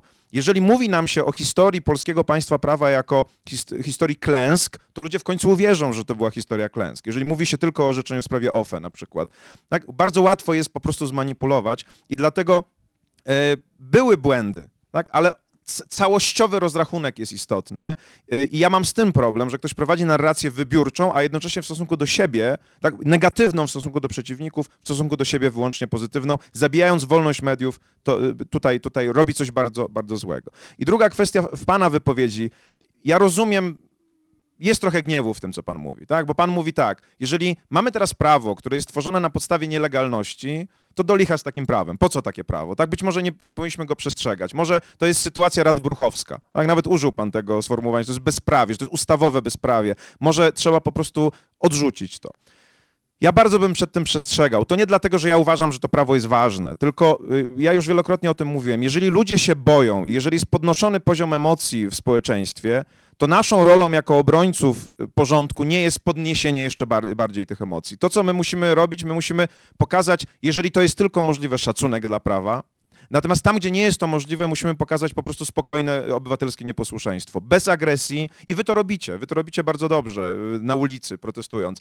Nie może być w tym agresji, nie może być w tym całkowitego potępienia, bo to będzie dowód na to, że oni mają rację, to znaczy, że to wszystko nie ma sensu, że nikt tego nie szanuje i że to wszystko powinno upaść. My musimy jak gdyby nieść te instytucje, mimo że inni chcą je, je wyrzucić. Ja wiem, że to jest trudne, to jest naprawdę trudne. Proszę mi wierzyć, dla sędziów, którzy mają, mieli stawać przed Izbą Dyscyplinarną, zanim pojawił się wyrok TSUE, to było na pewno bardzo trudne. Tak? Dla mnie to też jest nieraz trudne, ale trzeba przezwyciężyć swoje, swój gniew, jakby swojego i powiedzieć, to jest moje państwo, to jest moje prawo, gdzie się tylko, tak Radbruch zresztą mówił, gdzie się tylko da, gdzie, gdzie ta nienawiść, gdzie ta niesprawiedliwość nie przekracza jakiejś nieprawdopodobnej granicy, tam szanujemy to prawo, nawet jeżeli wiemy, że jest złe. Natomiast tam, gdzie ona już przekracza, to tam po prostu spokojnie przed, przeciwko temu protestujemy, także gotowi ponieść, ponieść sankcje, bo taka jest idea obywatelskiego nieposłuszeństwa. E, Zacznę od e, pana stwierdzenia o tym, że krytycznie wypowiadałem się o pewnych zjawiskach i myślę sobie, że e, jeżeli będzie przygotowana ustawa o zmianie ustawy o statusie sędziów Trybunału Konstytucyjnego w stanie spoczynku, to takie zachowanie będzie traktowane jako e, działalność wroga państwu. Ale ja mogę powiedzieć, że moja krytyczna wypowiedź, i taka była, była wypowiedzią zatroskanego obywatela. I to jest dokładnie to, o czym mówimy. Zależy od tego, z jakiej perspektywy będziemy oceniali całą sytuację. E, I że jest pewne kontinuum e, zjawisk, zdarzeń, treści poszczególnych pojęć. Ale to tak e, tylko, tylko na marginesie. Natomiast tak, wiele wyroków Trybunału Konstytucyjnego nie jest wykonywanych, ale to nie jest wina Trybunału Konstytucyjnego, żeby było jasno to stwierdzone. To jest element składowy poziomu kultury konstytucyjnej, ale to e, ten element e, kultury konstytucyjnej to jest część składowa e, odpowiedzialności, czy rozumienia odpowiedzialności osób pełniących funkcje publiczne, stojące na czele konstytucyjnych organów państwa, które albo rozumieją, albo nie rozumieją, albo chcą, albo nie chcą, świadomie lub nieświadomie realizować tego, co do nich należy. To jest kwestia kompetencji lub szeroko rozumianej lub niekompetencji ludzi odpowiedzialnych za to, co należy do organów, y, na czele których stoją. To pierwsze. Y, Jeśli chodzi o y, odpowiedź na, na, na troskę obywatelską pana rektora Węgleńskiego. 40% tak, a 60% pozostałe też ma znaczenie. Nie wiemy, ale możemy różnego rodzaju hipotezy przedstawiać. A po drugie, mówię z nadzieją e, teraz, wśród tych 40 trzeba byłoby zbadać, ile osób, jaki procent, czyli przyjmujemy za 100, czyli e, te 40 za 100, jaki procent tych ludzi ma jednak poczucie przyzwoitości, rozumienia sprawiedliwości, krytycznego stosunku do zjawisk, które e, inni nazywają niegodziwymi. I myślę, że poparcie 40% nie oznacza, że te 40% godzi się na wszystko to, o czym mówimy dzisiaj w tej sali przy okazji tego spotkania. Mówię, podkreślam, z nadzieją dokonuję tej uproszczonej analizy składowej części społeczeństwa. Bardzo dziękuję. Mamy tutaj wskazano mi, że mamy 10 minut do końca naszego panelu. 10 minut to jest mnóstwo czasu, to jest 600 sekund. Tu były dwa głosy po, prawej, po mojej prawej stronie i bardzo proszę. Dobrze. E, Dziękuję bardzo. Y, Ola Duży, Fundacja Park Śląski, Katowice. Mm, Ja bym chciała nawiązać do wypowiedzi właściwie mm, i pana profesora Wyżykowskiego, i pana profesora Matczaka, i pani, pani profesor. Bo pan profesor Wyżykowski w pewnym momencie powiedział bardzo fajną rzecz, że tak naprawdę y, na, na jednym z państwa miejsc powinna się znaleźć tutaj osoba młoda, która kiedyś będzie za nas odpowiadać, tak? która kiedyś będzie y, dbać o tą naszą demokrację. Y, Pani profesor powiedziała świetną rzecz, że niepowstrzymywanie daje przyzwolenie. Nawet sobie to zapisałam. I tutaj do, do stwierdzenia pana profesora Matczaka, y, że mm, moje państwo, moje prawo. I a propos tych młodych ludzi, pytanie w takim razie, nawiązując do tych trzech wypowiedzi, dlaczego na wszystkich protestach e, tak naprawdę młodzież widzimy w ogromnej ilości, ale na protestach związanych z klimatem, z walką o klimat. e, Natomiast na protestach, e, w których walczymy, e, protestujemy tak, pod sądami, e, chronimy konstytucję, e, naszą demokrację, tak naprawdę młodzieży nie ma. Ja, ja widzę wielu swoich, bo zdarzyło mi się całe wieki temu, naprawdę, to było jakieś 100 lat temu, już prawie nie pamiętam, przez 10 lat uczyć studentów prawa e, na Uniwersytecie Śląskim e, i, i, i widzę swoich kolegów z tamtych czasów e, pod, pod tymi sądami. Widzę wielu e, innych ludzi pod tymi sądami, tudzież na innych protestach, natomiast e, młodych ludzi nie. Nawiązując też do tego, co było powiedziane o powieszeniu portretów europosłów, e, e, e, było to pod pomnikiem Korfantego u nas w Katowicach.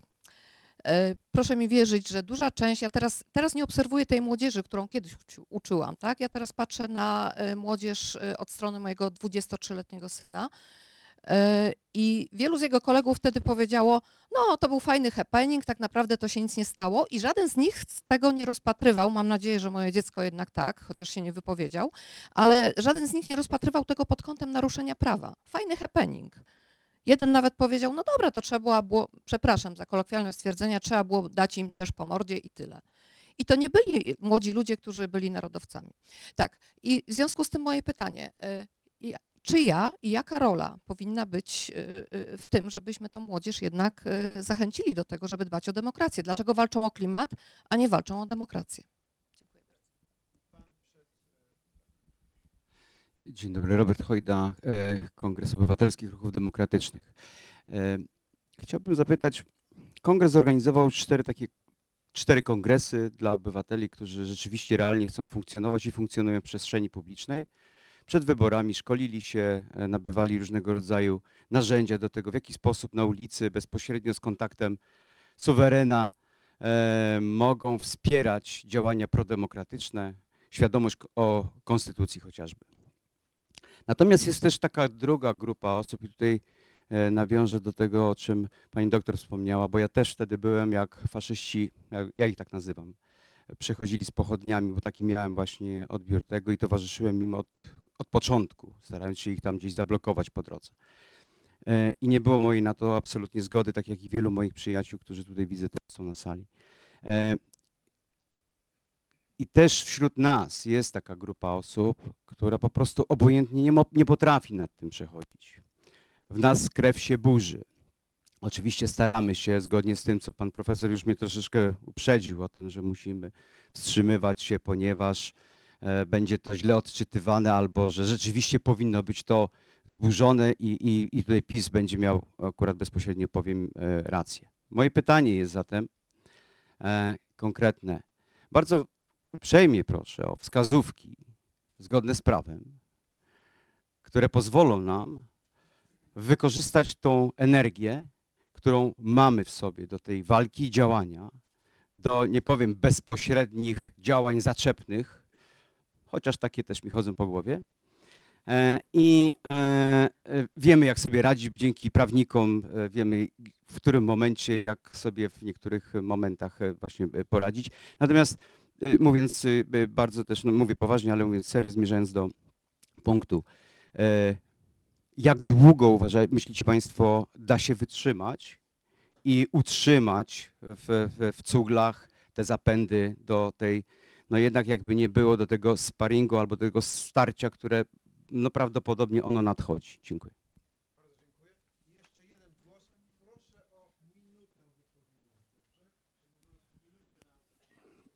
Maciej Ziarko, emerytowany górnik. Tak. Chciałem zadać takie pytanie. No, dobrze. Chciałem zadać pytanie. Kto spowodował, że, za, że mamy ten węzeł gordyjski? I pytanie, kto go ma rozciąć? Bo on się zaciska i zaciska. I w ostatnich chwilach.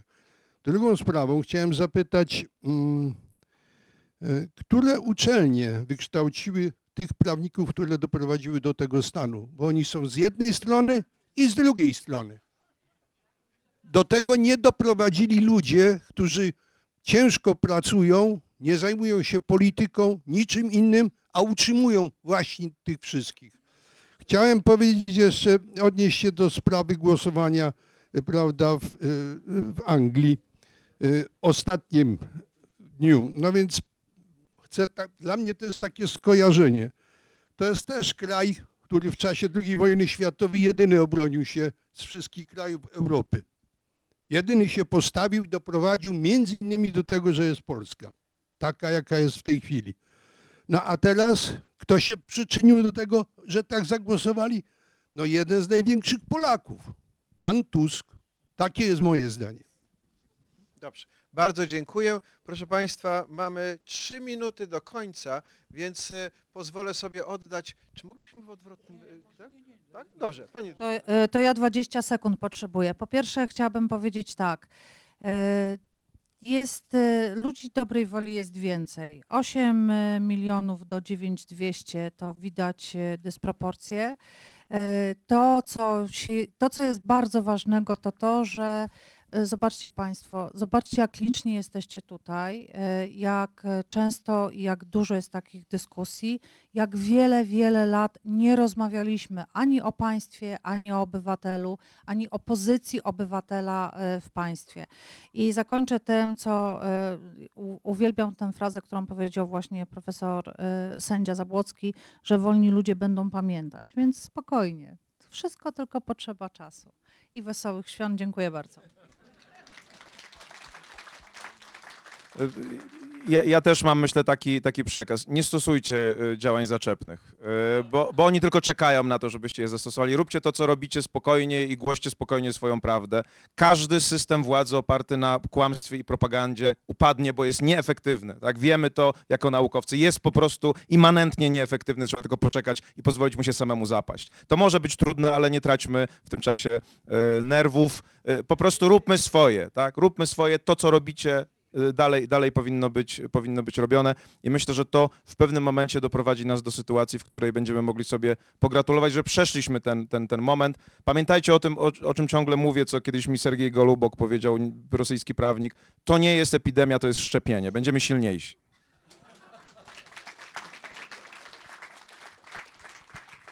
E,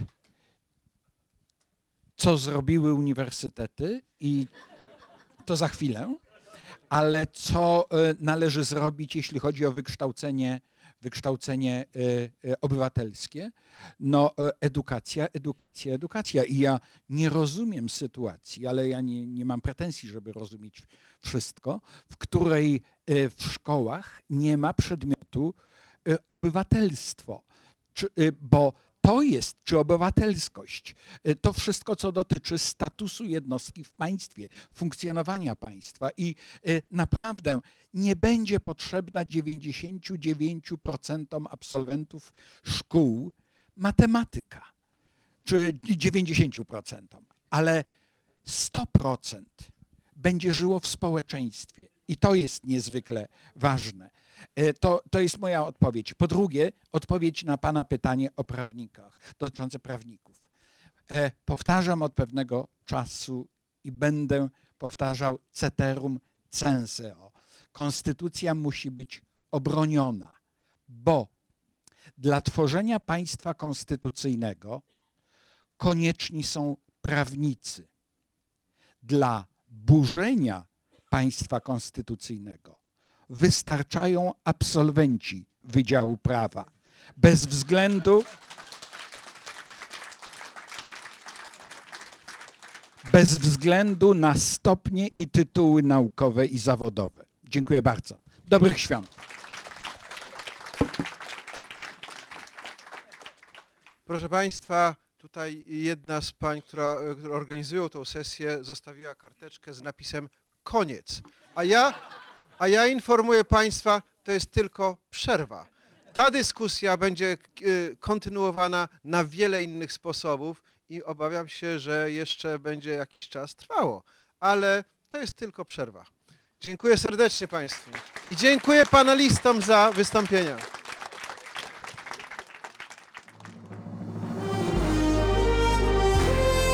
Halo Radio.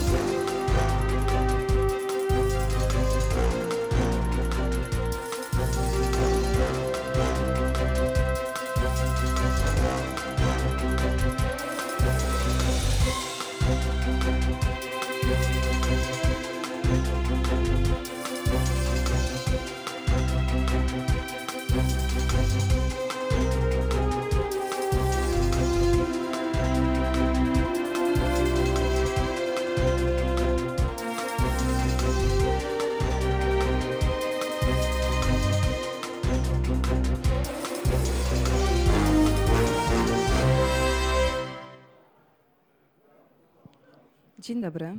Nazywam się Natalia Wilk-Sobczak i jestem właśnie po e, panelu zatytułowanym Bezdomno. Mhm. Dzień dobry. Nazywam się Natalia Wilk-Sobczak. Nie wiem, czy się nie powtarzam, ale właśnie w tej chwili zobaczyłam światło, które mi sygnalizuje, że powinnam rozpocząć. Jestem właśnie po panelu e, zatytułowanym Bezdomność ludzi młodych i rola społeczeństwa obywatelskiego. Bardzo poruszającego panelu, mm, który mówi o brutalnych statystykach e, dotyczących bezdomności ludzi młodych, e, młodzieży w kryzysie bezdomności, zagrożonych bezdomnością. Uczestnikami tego panelu e, byli Magdalena Różkowska-Cieślak, prezeska Fundacji Habitat for Humanity Poland, Agnieszka Sikora, prezeska Fundacji Podrugie oraz też właścicielka hosteli dla młodzieży bezdomnej, Rafał Sonik, przedsiębiorca, sportowiec i filantrop. Panelistką tego, e, tej dyskusji była także Luiza Sałapa, zastępca dyrektora Departamentu Spraw Rodzinnych i Nieletnich w Ministerstwie Sprawiedliwości. Moderowała tę dyskusję dr Hanna Machińska, zastępczyni Rzecznika Praw Obywatelskich. No i mamy tutaj e, taką e, rozmowę, która ma na celu uświadomienie o skali tego problemu, z którym wydaje się, że nasz kraj mm, nie jest w stanie do końca sobie z tym poradzić. Dlaczego? Dlatego, że aż ponad 40%, 43% mniej więcej, to są takie dane, one też nie są dokładnie, one też nie są dokładne, dlatego że nie do końca mamy e, wgląd w każdą przestrzeń e, w Polsce, w której osoby bezdomne e, gdzieś istnieją, żyją, nocują, funkcjonują. Natomiast to jest mniej więcej taki procent ludzi, którzy po placówkach zastępczych, po zakładach, za- po zakładach poprawczych, przepraszam, wracają y, czy po prostu wchodzą na drogę bezdomności. E, Podobno to jest postęp, mniej więcej z 50 paru procent, 30 procent wychowanków, którzy wcześniej, jeszcze kilka lat temu wracali na drogę bezdomności, a także na drogę po prostu dysfunkcyjnego życia, także na drogę przestępstwa. Czy 43%, te 40% nas satysfakcjonuje. Y, Pani doktor Machińska y, podczas tej rozmowy twierdzi, że to jest alarm. Y, Można zrozumieć to jako wciąż skandaliczne dane, skandaliczne, no właściwie jakaś porażka systemu resortowego dotyczącego właśnie tych, mm, doty- dotyczącego właśnie bezdomności ludzi młodych. Ym, Źle zorganizowane są te ośrodki mówią paneliści. E, Luiza Sałapa, która jest psychologiem i funkcjonariuszem służby więziennej od 20 lat, a od 5 lat nadzoruje zakłady poprawcze, opowiadała o takich sytuacjach, e, że na przykład ktoś 15 lat, e, ktoś z jej oczywiście wychowanków, e, czy osób, które ona zna, więźniów, ktoś 15 lat jest w więzieniu i mówi jej, że boi się wyjść. Dlaczego boi się wyjść? Bo boi się tej rzeczywistości, która jest na zewnątrz.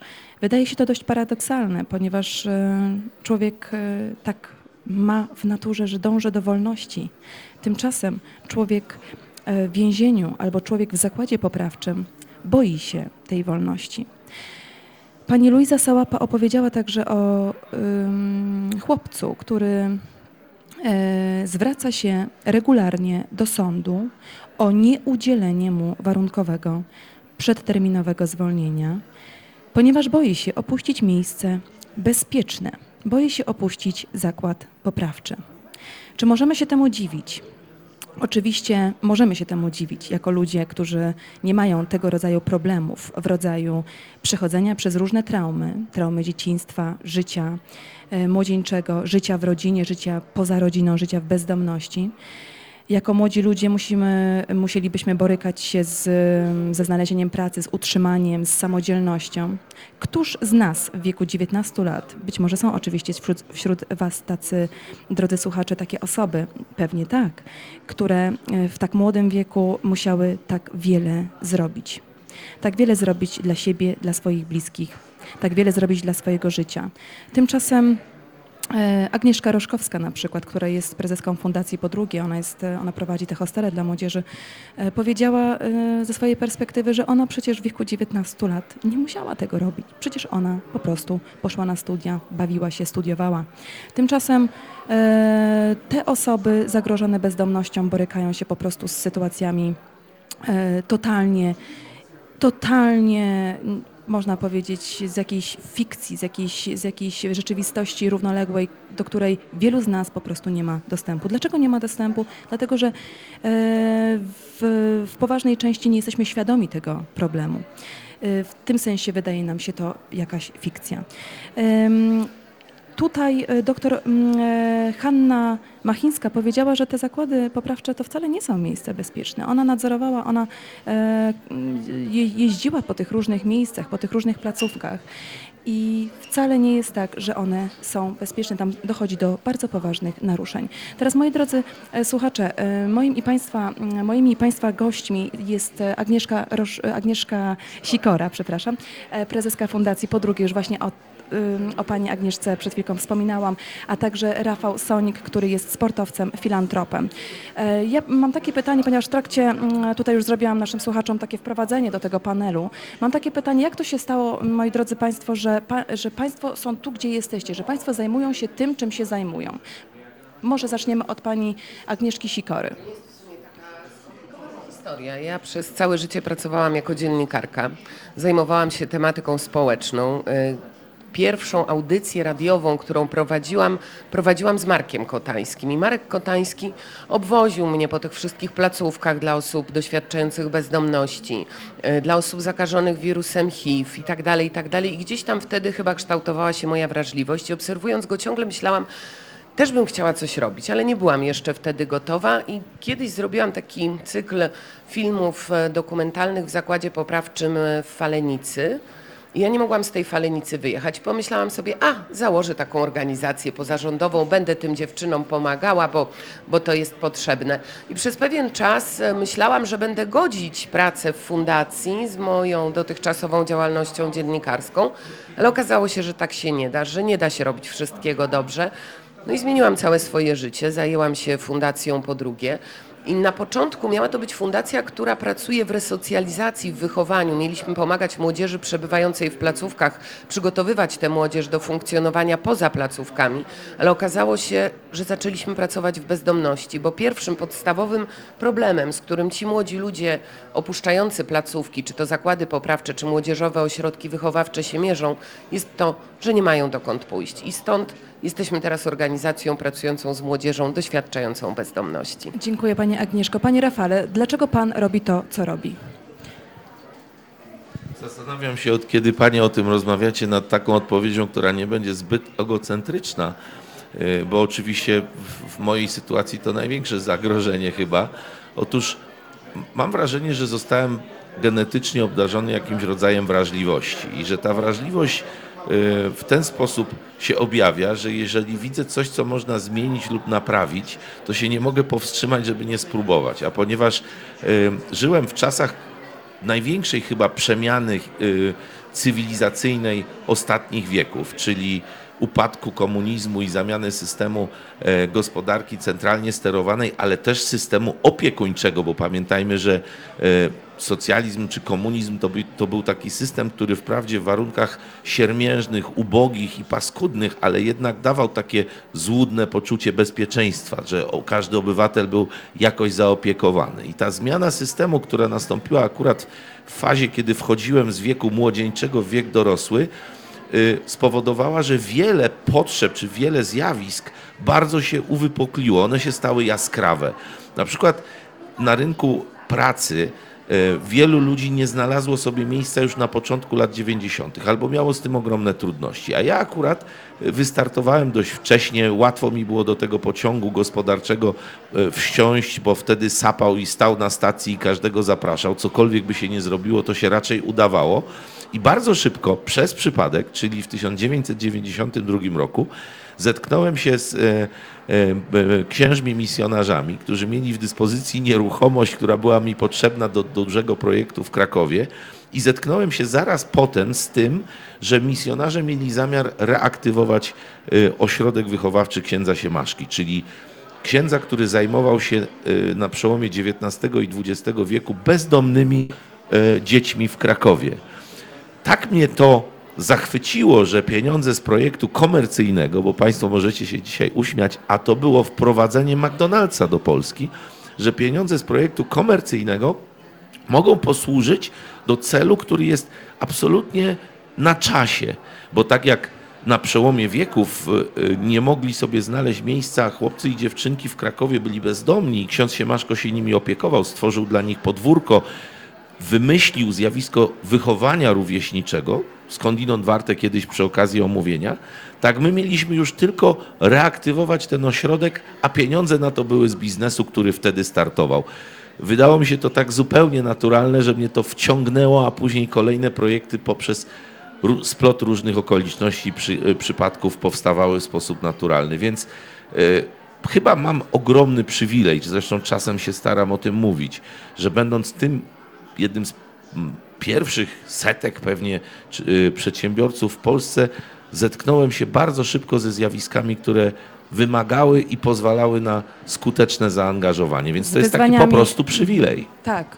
E, Jakie są główne problemy, jakie są główne problemy dla młodzieży zagrożonej e, bezdomnością? To znaczy, dlaczego ta młodzież wraca potem na drogę dysfunkcyjną? Co się takiego dzieje? Jakie są przeszkody? Znaczy, to jest w ogóle bardzo złożony problem i trudno jest to ująć tak w trzyminutowej opowieści. oczywiście. Na pewno w Polsce brakuje nam odpowiednich działań prewencyjnych. Szkoła, y, ośrodki pomocy społecznej. Y, Wszędzie tam, gdzie pojawiają się problemy, ciągle brakuje jakiegoś człowieka, który mógłby te problemy w zalążku e, y, y, ukrócić. Praca z rodziną jest absolutnie niewystarczająca, chociaż wiele w Polsce się w tym zakresie zmienia, bo mamy asystentów rodziny, y, to jest wspaniała instytucja y, i ona jest już obecna w wielu miejscach, ale ciągle w wielu miejscach jej y, brakuje, więc na pewno przede wszystkim potrzebujemy profilaktyki. Druga rzecz, my ciągle w Polsce myślimy takim systemem instytucjonalnym, tworzymy różne instytucje, młodzieżowe ośrodki socjoterapii, młodzieżowe ośrodki wychowawcze, zakłady poprawcze i to mają być instytucje, które będą uzdrawiać jednostkę. No niestety, jakby rzeczywistość pokazuje, że instytucja nie uzdrawia jednostki. W Polsce brakuje nam oddziaływań środowiskowych. My powinniśmy większy nacisk stawiać na to, że my mamy pracować w środowisku. Instytucja, izolacja, zabranie ze społeczeństwa to jest ostateczna ostateczność. A u nas jednak e, tak nie jest, więc to jest bez wątpienia konieczne. Dalej o tym mówił dzisiaj e, pan Rafał Sonik i pewnie zaraz też o tym powie. No mamy kryzys relacji, przenieśliśmy się w ten świat wirtualny i chyba zwariowaliśmy e, trochę i zgubiliśmy się. Nie mamy bliskości, nie mamy czułości, nie mamy tego, co jest człowiekowi tak naprawdę niezbędne do tego, by się czuł bezpiecznie i pewnie. Pozostawiamy starszych ludzi sobie. Mam z tym zjawiskiem do czynienia od wielu lat i, i ogromny przywilej obcowania z ludźmi starszymi w bardzo podeszłym wieku, którzy są fantastyczni. Ale niestety prawda brutalna o nas jest taka i o naszej cywilizacji, że kiedy człowiek przestaje być aktywny e, i taki pożyteczny na co dzień dla społeczeństwa, czy produktywny wręcz, wtedy zostaje pomału zapomniany. Aż do tego, że w u schyłku życia ludzie są całkowicie samotni rzeczywiście. I nie wyciągamy z tego niestety za wielkiej lekcji dla tych, którzy swoje życie zaczynają. A przecież wiemy już, że to, czy życie jest w efekcie dobre, y, które jest owocne, zależy od tego, jaką szansę ma dziecko na zbudowanie relacji w bardzo wczesnej fazie, na odkrycie swoich talentów, na odkrycie swoich pasji.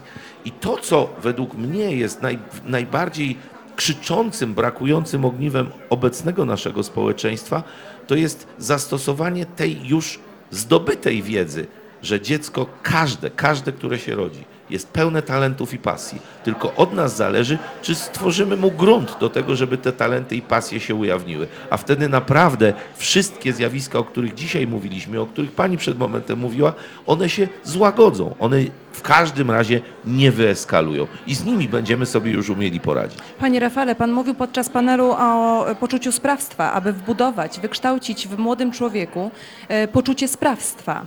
E, Wydaje mi się, że to jest bardzo ważna kategoria w ogóle, wychowawcza i taka socjalizacyjna, społeczna, abyśmy my także jako społeczeństwo obywatelskie tworzyli przestrzeń do tego, żeby próbować tym młodym ludziom, a także każdemu człowiekowi dać tę wiarę i to e, właśnie, że ono, ten człowiek może coś zrobić, ma wpływ na kształtowanie tej rzeczywistości wokół siebie, bo jeżeli on nie ma tego wpływu, nie ma tego poczucia wpływu na otaczającą rzeczywistość, to cóż, to potem dostajemy taką wiadomość, jaką pani Agnieszka Sikora dostała dzisiaj rano, prawda, rozpoczynając dzień od y, swojego wychowanka, który po prostu jest y, już na rancie swojego życia, tak, i na rancie wiary w siebie samego. Proszę nie używać słowa już. Proszę powiedzieć Prze- chwilowo. Przepraszam, ma pan rację. Bo to Mhm. nie jest proces nieodwracalny. Dokładnie, właśnie. Nie możemy o tym patrzeć, nie możemy na to patrzeć w taki sposób, że my tego nie możemy odwrócić. Przecież właśnie tutaj jesteśmy po to, rozmawiamy o tym, no tak, żeby mieć poczucie, że mamy wpływ na zmianę tego. Tylko, że z jednej strony słuchałam e, Was, drodzy Państwo, i jakby e, tak, pan Rafał Sonik wydaje się osobą bardzo taką pozytywnie nastawioną do tego wszystkiego. Pani Agnieszka także, tylko wydaje mi się, że pani Agnieszka Sikora jakby jest w takim mocno w tym, y, od y, już dłuższego czasu mocno w tym zanurzona, tak? I jakby dostrzega także te niuanse i te ciemności Myślę, że mamy troszkę inną perspektywę. Pan Na Rafał pewno, bardziej tkwi w tym etapie, kiedy y, człowiek jest jeszcze bardzo plastyczny, kiedy właśnie możemy rozbudzić te pasje, Mhm. zainteresowania. To nie znaczy, że ja tego nie robię, ale ja robię to już później. Do mnie trafiają 18, 19, 25-latkowie, bo pracujemy z młodzieżą 18-25, którzy są w kryzysie, którzy nie doświadczyli pobytu w fajnym miejscu rozbudzającym ich pasję, y, pokazującym im, że oni są fajni, że oni są wartościowi. Oni dopiero w spotkaniu z nami zaczynają się tego uczyć, ale oni mają już troszkę więcej lat, więc to nie jest taka bardzo plastyczna materia, co nie znaczy, że nie da się w niej pięknie rzeźbić, ale tu spotykamy się już z tak szeregiem licznych, trudnych sytuacji indywidualnych, bo z każdym fundacja po drugie pracuje bardzo indywidualnie i na każdego potrzeby staramy się odpowiedzieć, że owszem, może przeze mnie czasem przemawia frustracja, bo czasem mam takie poczucie, że my jesteśmy taką wyspą i bardzo trudno jest nam do tych innych portów dobijać, żeby trochę więcej tego wsparcia y, z systemu, no, z różnych źródeł y, y, trafiało do tej osoby, która tego potrzebuje. To jest szalenie trudne. Myślę jednak, że y, kontynuując taki y, uczciwie pozytywistyczny y, sposób myślenia, chyba wszyscy, czy prawie wszyscy z nas znamy nazwisko siostry Małgorzaty Chmielewskiej, prawda? Która zajmuje się osobami no, naprawdę w tragicznych okolicznościach życiowych, bo nie dość, że są to osoby często, czy najczęściej bezdomne, nie, nie dość, że to są osoby bez przysłowiowego grosza przy duszy, które nie mają najczęściej też żadnych istotnych umiejętności e, zawodowych, to jeszcze na dodatek bardzo często są to osoby chore. To już jest, jak ona zresztą sama o tym mówi, to nie jest y, moja opinia, tylko jej wypowiedź do mnie, zajmuje się najtrudniejszym, y, przypad, najtrudniejszymi przypadkami ludzi w najtrudniejszym stanie. I o czym chciałem powiedzieć? Otóż jakiś czas temu rozmawialiśmy o, o y, naszej działalności, tak jak my tutaj mówimy dzisiaj podczas panelu i teraz. I siostra powiedziała, a panie Rafale, bo buduje taki wielki ośrodek, gdzieś tam w peryferyjnej części województwa świętokrzyskiego. Buduje taki wielki ośrodek dla tych moich y, kochanych bezdomnych. Czy pan by mi nie pomógł? Ośrodek został niedawno uruchomiony. Uczestniczyliśmy w tym projekcie. Jako Fundacja Fabryki Marzeń dostarczyliśmy materiały i, i zbudowaliśmy, o ile pamiętam, około 30 łazienek w tych mieszkaniach dla bezdomnych. I, za, I będąc w pełni w realizacji tych projektów, które realizujemy jako kilka organizacji, w których uczestniczę, jednocześnie staliśmy się częścią projektu siostry Chmielewskiej, czyli tak jakby analogicznie moglibyśmy się stać częścią projektu pani. Wnieśliśmy tę swoją cząstkę wartości do projektu, który jest przecież autorskim projektem siostry Chmielewskiej, a mógłby być równie dobrze e, autorskim projektem pani. Staliśmy się częścią przedsięwzięcia, które, którego liderem jest ktoś inny i które jednak w całym dużym obrazie tej części naszego funkcjonowania w społeczeństwie jest niezbędny.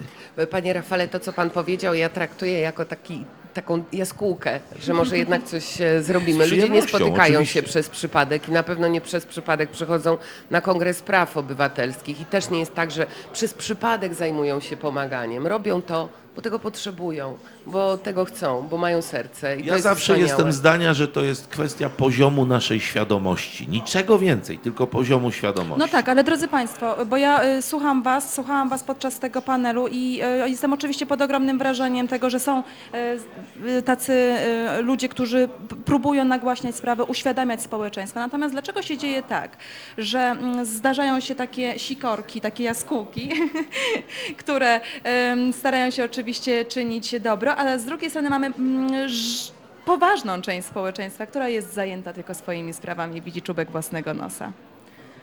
Marketing, marketing, zaspokajaj swoje potrzeby. Marketing doszedł do takiej paranoi, że y, pani mając dwuletnie auto zaczyna odczuwać potrzebę konieczne, konieczne zakupu następnego auta po roku, dwóch czy trzech. To auto będzie dobre przez następne 15 lat, ale pani już ma tłoczone do swojej świadomości, że powinna pani kupić po dwóch latach, w trzecim roku najdalej, kolejny nowy samochód, kolejne nowe rzeczy, bo te poprzednie są już nie dość dobre. To nieprawda. Marketing nas w ten sposób kształtuje. Bardzo dziękuję za tę wypowiedź, panie, panie Rafale, dlatego że właśnie myślałam o tym, że to społeczeństwo e, obywatelskie powinno e, kształtować bardziej kategorię być, oczywiście, która jest ważniejsza niż mieć. Panie Rafale, ja muszę pana puścić do Rzecznika Praw Obywatelskich. Bardzo panu dziękuję i e, to była dla mnie przyjemność rozmawiać z panem. Dziękuję państwu, dziękuję pani. Mm, Tak, moim i Dziękuję Państwa pani. gościem Dziękuję. był pan Rafał Sonik, sportowiec i filantrop. Oby więcej takich filantropów i tak wrażliwych osób. Tymczasem zostaje z nami e, pani Agnieszka Sikora. Pani Agnieszko, jak pani, jak pani e, interpretuje tę sytuację? Czy jak pani może, czy ma, ma pani jakieś takie rozwiązanie dla tego, żeby ludziom bardziej otworzyć oczy, żeby, żeby ludzie tak się oderwali trochę od tego swojego ogródka, od tych swoich, wie pani, z tych swoich grządków i spojrzeli Ja szerzej, spojrzeli w te drodze- okna, spojrzeli w te piwnice i tak dalej. Znaczy ja na mojej drodze spotykam wielu jednak wspaniałych ludzi, bo y, prowadząc organizację pozarządową raczej przychodzą do nas ci, którzy chcą się w to zaangażować, a nie ci, którzy mają to y, wszystko w nosie. Natomiast jest szalenie trudnym docierać z takimi problemami, które nie wyglądają ładnie i jest szalenie trudno namawiać sponsorów, darczyńców na to, żeby pomagali akurat w tych obszarach, które, tak jak powiedziałam, nie są ładne, są trudne. Ja pracuję z młodzieżą, która doświadcza bezdomności. To są bardzo różne osoby. E, W stu procentach są to osoby, które doświadczyły czegoś bardzo złego w swoim życiu. E, W stu procentach są to osoby, które wywodziły się z rodzin dysfunkcyjnych. Niekoniecznie ubogich, czasem i dobrze były normalne sytuowanych. rodziny, tak zwane dobre rodziny, E, tak? Tak, Gdzie e, ale brakowało? jednak tam brakowało różnych rzeczy. Brakowało bliskości, brakowało szacunku, brakowało miłości, zainteresowania. E, Młodzież, z którą pracujemy, często jest uzależniona. Młodzież, z którą pracujemy, często jest zaburzona. E, Często są to osoby z upośledzeniami. W związku z tym ta nasza e, działalność no nie, nie, nie jawi się jako coś bardzo pięknego, ładnego i przyjemnego. Czyli Natomiast to, przepraszam, co to są te czasami osoby z rodzin, w których e, są Też. zapewnione potrzeby mm, materialne, natomiast te potrzeby psychiczne, emocjonalne są e, zmarginalizowane. Są zmarginalizowane, albo czasem są to rodziny, w których występuje przemoc, albo występują uzależnienia. To jest bardzo różnie. Tak naprawdę każdy nasz podopieczny niesie ze sobą swoją osobistą, własną historię.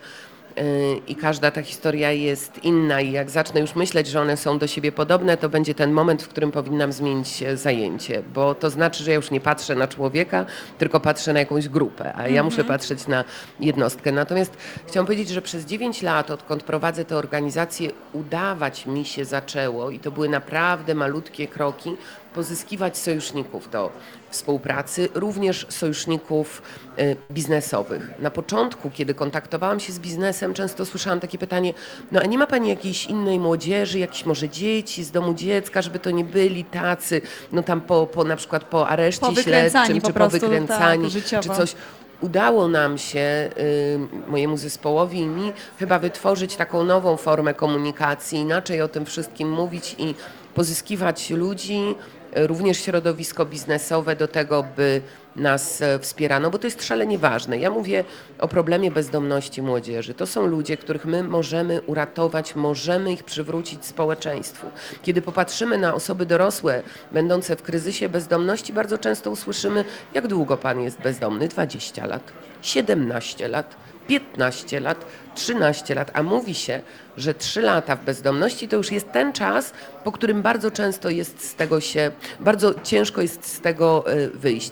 Mówi Pani właśnie, że buduje się już nawet taka tożsamość, tożsamość, bezdomnego, tak. tak?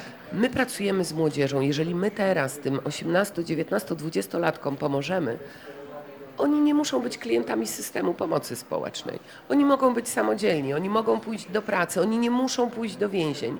Oni mogą przezwyciężyć uzależnienia. To jest ten moment, w którym musimy interweniować i naprawdę nam się jako społeczeństwu to opłaca. Co w pierwszej, co w pierwszej fazie trzeba im dać?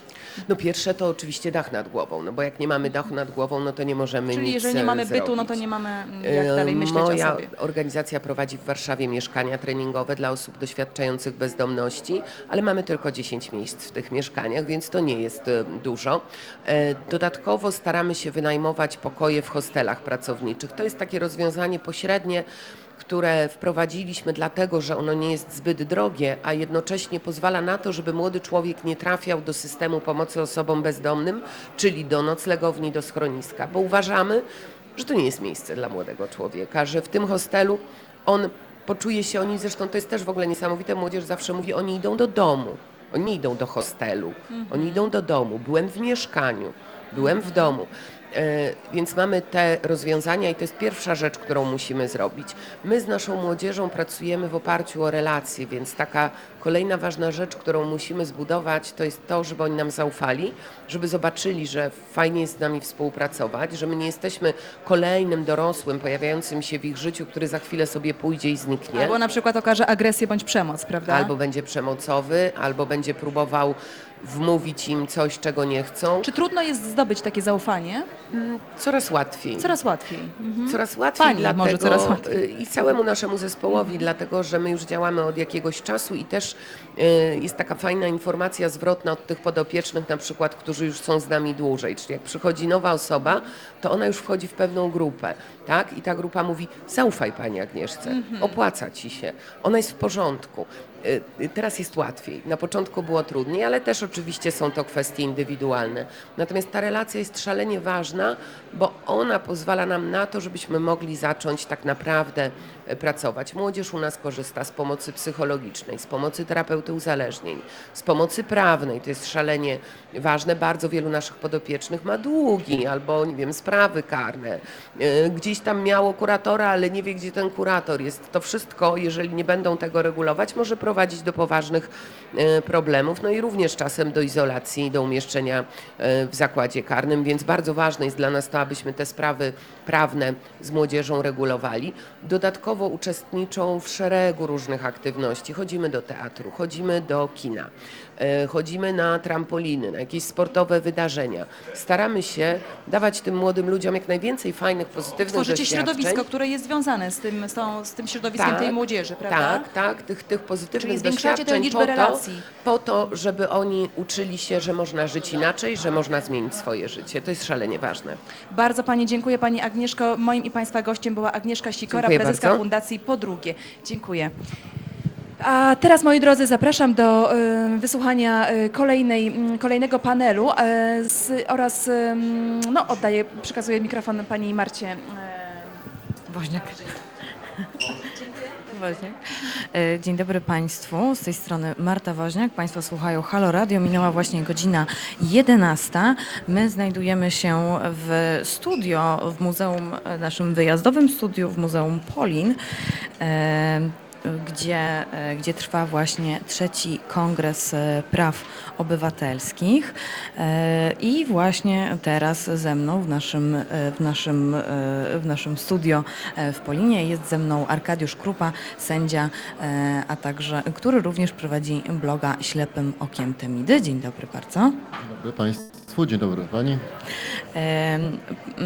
Panie sędzio, tutaj przed chwilą em, prowadził Pan e, bardzo ciekawą, bardzo ciekawy, był, był sędzia w trakcie bardzo ciekawego panelu, e, czyli była to symulacja procesu sądowego na cyberprzemoc, są paragrafy i było to z młodymi, e, to był taki spektakl e, z młodymi, e, spektakl z e, licealistami. E, czy tego typu, e, mm, czy taki rodzaj, e, czy taki rodzaj, e, nie potrafię się teraz wysłowić, czy taki rodzaj pokazywania młodzieży, na co są narażeni, jest skuteczny, bo to nie jest pierwsza symulacja, którą sędzia zrobił.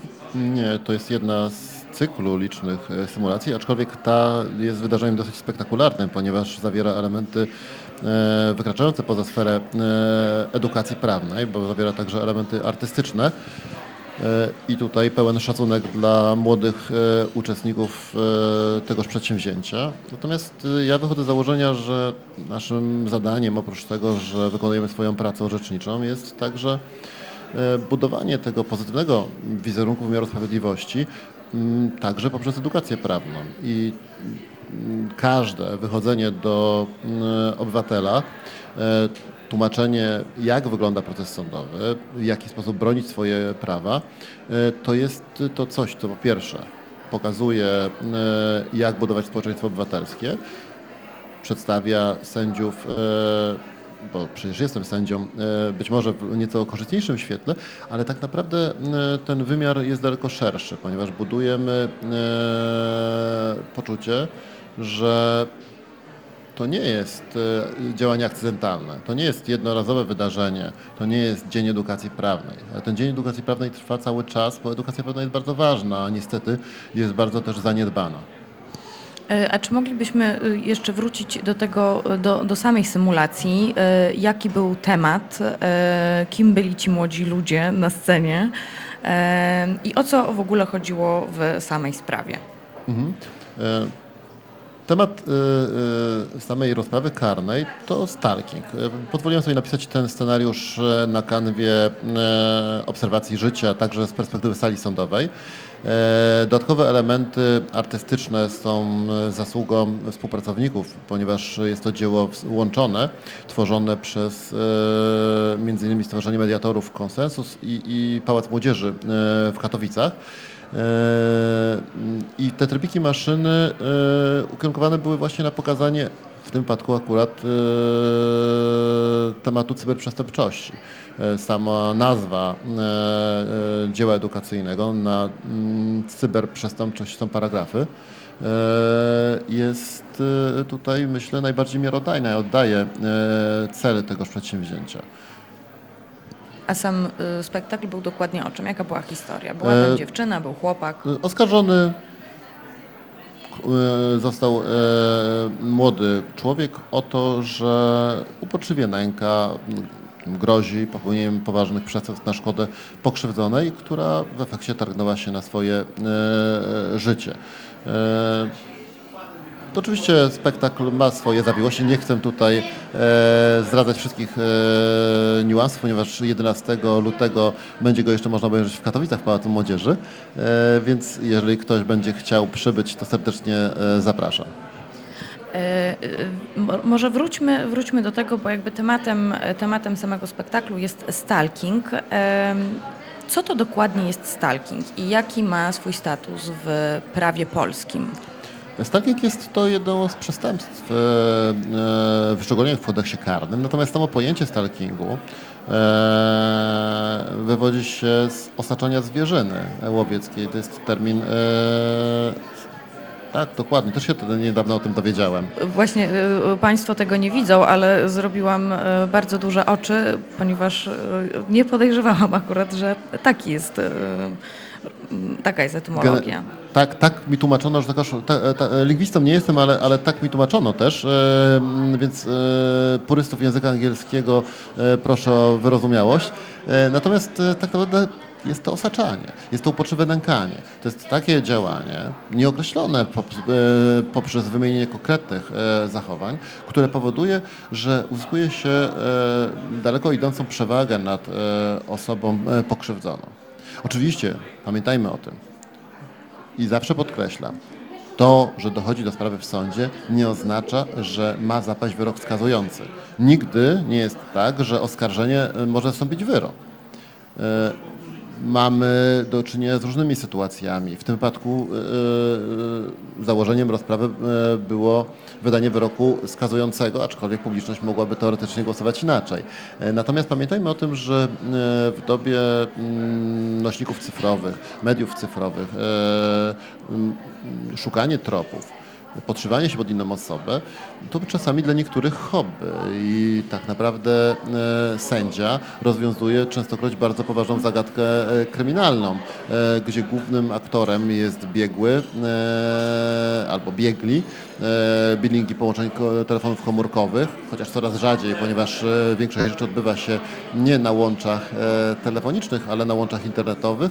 I to wszystko mm, ma prowadzić do jakiegoś rezultatu e, w rozumowaniu, które może także być rozumowaniem, nie, to nie oskarżony e, wysłał te wiadomości, bo nie ma na to dowodów, bo nie ma absolutnej pewności, że on to uczynił, ale mogą być też takie osoby, że takie sytuacje, że to pokrzywdzony e, obciąża fałszywie, po, pozornie pokrzywdzony. Nie możemy tego wykluczyć, bo reakcje młodych ludzi są reakcjami młodych ludzi, któ- których e, osoby starsze mogą już wiele nie wiedzieć. Cyber, cyberprzestępczość y, jest zjawiskiem właściwie nowym, bo funkcjonującym od y, 10, 20, mniej więcej 30 lat. Czy na przykład w przeszłości e, zdarzały się również sprawy o stalking, ale było ich mniej, a teraz jest na przykład właśnie więcej? Znaczy, to jest relatywnie młode przestępstwo, e, niedawno wprowadzone do kodeksu karnego, więc e, trudno tutaj o takie rozróżnienie. Nie znam danych statystycznych, więc e, nie mm, pozwolę sobie tutaj mm, udzielić jakiejś miarodajnej odpowiedzi. Natomiast pamiętajmy, że są jeszcze inne wykroczenia, czyny zabronione, e, które e, regulują podobne kwestie, bo na przykład jest wykroczenie e, polegające na złośliwym niepokojeniu innej osoby. Co to znaczy? no toż dokładnie, że kogoś złośliwie niepokoimy. Więc może to polegać na tym, że na przykład mniejszym natężeniem wysyłamy złośliwe wiadomości albo stukamy specjalnie w podłogę po to, żeby kogoś zwyczajnie zdenerwować. Nie jest to sytuacja tak daleko idąca i tak brzemienna w konsekwencje jak e, stalking, ale jest po prostu zwykłą, na przykład sąsiedzką e, nieuprzejmością, e, która ma na celu dokuczenie innej osobie. Czyli złośliwego sąsiada, który stuka miotłą, e, można również e, postawić przed wymiar sprawiedliwości. Tak, aczkolwiek to będzie co do zasady e, odpowiedzialność za wykroczenie. Możemy mówić o przesłanniach gruźb karalnych, bo przecież jeżeli ktoś jednorazowo powie coś nie dość, że obraźliwego, ale zagrozi, że uczyni jakąś krzywdę drugiej osobie, no to przecież może to wywołać obawę. Jeżeli wywołuje obawę, jest samoistym przestępstwem. Ale to nie jest jeszcze stalking. Stalking wykracza poza te granice, jest działaniem o wiele szerszym, e, bardziej chciałoby się powiedzieć kompleksowym. Także mm, przypominam sobie taką sprawę, którą prowadziłem jeszcze w dawnych czasach, kiedy przestępstwa stalkingu nie było. E, młody chłopak obwiniony był o złośliwe niepokojenie, e, bo nie mógł być obwiniony e, o nic innego, oskarżono stalking, jego nie było, e, który e, zakochał się. E, groził, że zabije ją, jej narzeczonego, e, a widział ją raz, jak wydawała mu dowód osobisty. Okazało się, że jest e, schizofrenikiem, który cierpi na chorobę. I też pamiętajmy, że w dobie, e, kiedy tak e, te choroby cywilizacyjne dotykają coraz e, więcej osób, to mm, bardzo często źródło tych e, kompulsywnych zachowań e, ma e, w schorzeniach. Niekoniecznie w chorobach psychicznych sensu stricte, ale różnych aberracjach które mogą bądź to wyłączać e, poczytalność, albo ją zwyczajnie ograniczać, albo być po prostu schorzeniem, które determinuje zachowanie człowieka, ale, ale jednak e, teoretycznie mamy wpływ na, taką, na, na swoje postępowanie. Jaka jest kara za stalking? Już to zależy. To, to e, kara z kodeksu, e, a kara wymierzana przez sąd. Kary mogą być różne. No. Mm, Pamiętajmy o tym, że zachowania e, takie jak stalking są zachowaniami, e, które mają różną e, genezę. To może być e, głupie zachowanie nieodpowiedzialnego nastolatka, e, ale bardzo brzemienne w konsekwencjach. I przecież e, pytanie pojawia się, czy go wysłać do więzienia, czy mamy e, w taki sposób postąpić? Bo kodeks zakłada, że maksymalną karą są 3 lata pozbawienia wolności, tak? Dobrze Y- pamiętam? Mm, Proszę wybaczyć w tym momencie. Wydaje mi, się, wydaje mi się, że za stalking są właśnie maksymalnie 3 lata e, pozbawienia wolności. Czy, e, okej, myślę, że to jest też bardzo ciekawe pytanie. E, To jest, e, to jest tak, że sędzia dostaje sprawę przypadkową, prawda? To nie jest tak, że się specjalizujemy w, nie wiem, w prawach Jest sprawa losowana, Mhm. maszyna losująca wybiera sędziego. I od czego zależy wyrok? E, Znaczy, rozumiem od materiałów dowodowych, również od e, sposobu nękania i tak ale czy również ma duży wpływ e, sama postać sędziego w wyrokowaniu? Znaczy, każdy sędzia wydaje wyroku i według własnego sumienia, więc to sumienie e, sędziego determinuje, jaki wydać rozstrzygnięcie. E, Mówi się oczywiście o tym, że sędzia może być bardziej surowy, bardziej zasadniczy, bardziej empatyczny, mniej empatyczny, natomiast tak naprawdę e, wyrok musi być obiektywizowany. Trudno mi w tym momencie z perspektywy osoby, która nie chadza na salę rozpraw do swoich koleżanek i kolegów, Mhm. mówić o tym, jak inne osoby funkcjonują. E, Wypadają przecież w podobnych sprawach e, różne rozstrzygnięcia. Ale przecież ktoś, kto na co dzień jest surowy, może mieć akurat tego dnia e, łagodniejsze podejście albo coś dostrzegł w tej sprawie, czego nie dostrzegł ktoś, e, kto jest łagodniejszy, ale wydał surowsze rozstrzygnięcie. Nie ma tutaj e, algorytmu. Ja wiem, że społeczeństwo oczekiwałoby, że był pewien algorytm e, e, e, miarkowania kar, tym bardziej wobec takiej publicz, publicznej e, nagonce e, na niektóre rozstrzygnięcia sądowe, ale tego się nie da zrobić. Może być to niuans. Proszę Państwa, przypominam Państwu, że słuchają e, Państwo naszej relacji z trzeciego Kongresu e, Praw Obywatelskich, który odbywa się właśnie w, w Muzeum Polin e, w Warszawie. E, Przed mikrofonem e, Marta Woźniak, a ze mną rozmawia Arkadiusz Krupa, sędzia Sądu Rejonowego w Łobzie i członek Stowarzyszenia Sędziów Polskich Justitia. To chciałabym się teraz zapytać a propos cyberprzemocy. Co jeszcze należy do cyberprzemocy oprócz stalkingu?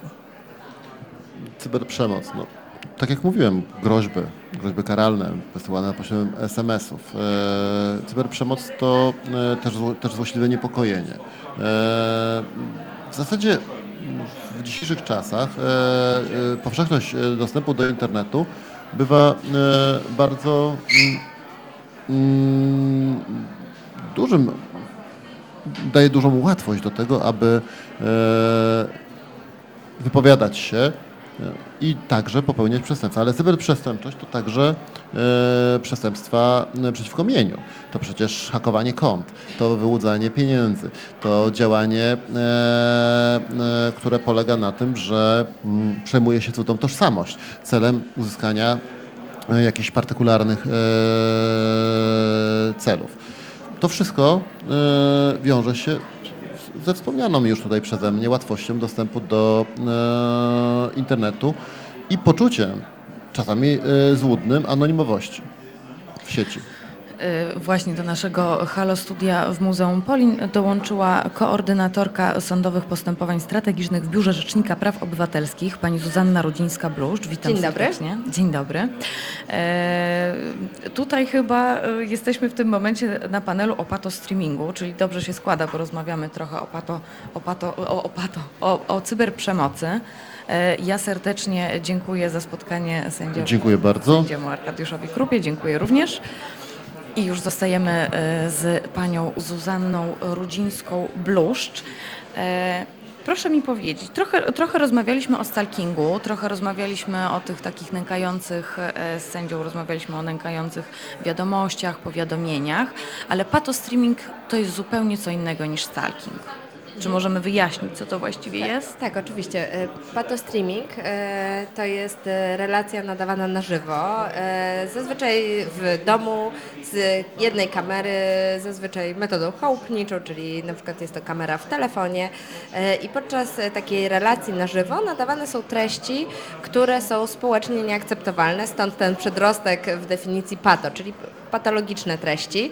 E, Te treści mogą wypełniać znamiona e, przestępstw określonych w kodeksie karnych, wykroczeń e, z kodeksu wykroczeń, ale nie muszą. Mogą być to po prostu treści nieakceptowalne społecznie, które uważamy za szkodliwe. Na przykład? Na przykład e, jeszcze e, jako cechą patostreamingu e, i zaraz podam przykład, jedną z kolejnych cech patostreamingu jest fakt, że patostreamerzy zarabiają na nadawaniu tych treści na żywo. Na przykład siedzi chłopak naprzeciwko kamery razem z dziewczyną i mówi wpłacicie mi stówę, a uderzę swoją dziewczynę. I wpływają darowizny, tak zwane donaty, e, wpływają, wpływają, aż e, osiągną kwotę 100 zł i wtedy ów patostreamer, e, patostreamer uderza po twarzy swoją dziewczynę. Może tak, może też, nie wiem, kopnąć krzesło spod swojej pijanej matki, może wypić tak zwany kociołek Menelixa, w którym są różne alkohole, może zdemolować mieszkanie, może pobić babcię, no bardzo różne rzeczy, ale wszystk, cechą wszystkich tych zachowań jest nieakceptowalność e, społeczna, jest przekraczanie barier, które my jako społeczeństwo umówiliśmy się, że są nieakceptowalne. Czy były prowadzone badania, kim są tacy patostreamerzy? Patostreamerzy wywodzą się pierwotnie ze środowiska gamerów, czyli czy inaczej mówiąc let's playerów, czyli osób, które grają na e, żywo w gry komputerowe i to komentują. Część z tych gamerów, let's playerów zauważyła, że e, dużo e, więcej widzów mają, jeżeli prezentują jakieś kontrowersyjne treści. No, zaczęło się od alkoholu, później niektórzy zaczęli sprowadzać bezdomne osoby, wykorzystywać je na wizji i tak narodził się patostreaming. Y, Patostreamerzy to jedno, ale a, a czy wiemy, kim są ludzie, którzy ich oglądają? E, Kim są oglądający? To jest bardzo dobre pytanie, bo patostreaming e, jest odpowiedzią na e, niestety pewną potrzebę społeczną. Jest popyt, jest podaż, prawda? Głównie oglądają patotreści osoby młode. Nastolatki. Jak wynika z badań Fundacji Dajemy Dzieciom Siłę zrobionych wraz z Rzecznikiem Praw Obywatelskich i z Orange, wynika, że, mm, że są to po prostu nastolatki, które jedna trzecia z nich e, ogląda regularnie e, to, co żeśmy określili sobie patotreściami, czyli to jest troszkę szersza definicja, bo nie tylko live, e, tylko też po prostu treści na przykład na YouTube, które nie dzieją się w czasie rzeczywistym, ale e, też zawierają treści uznane za e, patologiczne, E, ale ponad 80% e, e, młodzieży słyszało o patotreściach, często sobie sami je przesyłają, oglądają z ciekawości, z nudy, żeby być na czasie. E, e, Podobno gdzieś, gdzieś, gdzieś wyczytałam, że patostreaming to jest trochę polska specjalność. Obalamy ten mit, czy nie? Nie, to jest informacja przekazana nam przez e, pracowników YouTube'a, e, którzy oczywiście mają wgląd w to, co się dzieje na YouTubie europejskim i rzeczywiście e, wynika z tego, że to jest polski sposób na biznes. Mm, Oczywiście patologiczne treści w internecie są wszędzie i myślę, że nie zwalczymy tego na pewno. Internet jest taką przestrzenią wolności, a wolność zakłada nie tylko treści edukacyjne, tylko no, jest odbiciem naszej rzeczywistości e, społecznej. E, Natomiast e, rzeczywiście, rzeczywiście sam patostreaming jest specyfiką polską. W jaki sposób można, w jaki sposób można walczyć z patostreamingiem? E, My w Biurze Rzecznika Praw Obywatelskich przede wszystkim stwierdziliśmy, że e, nie można walczyć e, z patostreamingiem w pojedynkę i powołaliśmy, okrągły stół do walki z patotreściami w internecie. Dlaczego? Dlatego, że my jako prawnicy uznaliśmy, że nasze narzędzia prawne nie są wystarczające. Potrzebujemy mieć wgląd w to, co robi policja, prokuratura, youtuberzy, Facebook, Google, Ministerstwa Cyfryzacji, Sprawiedliwości, e, e, aktywiści społeczni i tak dalej. I żeśmy tych wszystkich aktorów e, życia społecznego zaprosili do okrągłego stołu, żeby o tym rozmawiać. I to się bardzo udało. Rzeczywiście mam wrażenie, że wszyscy, wszystkie te podmioty dołożyły swój, swój kawałek układanki i gdzieś pojawiła się całość.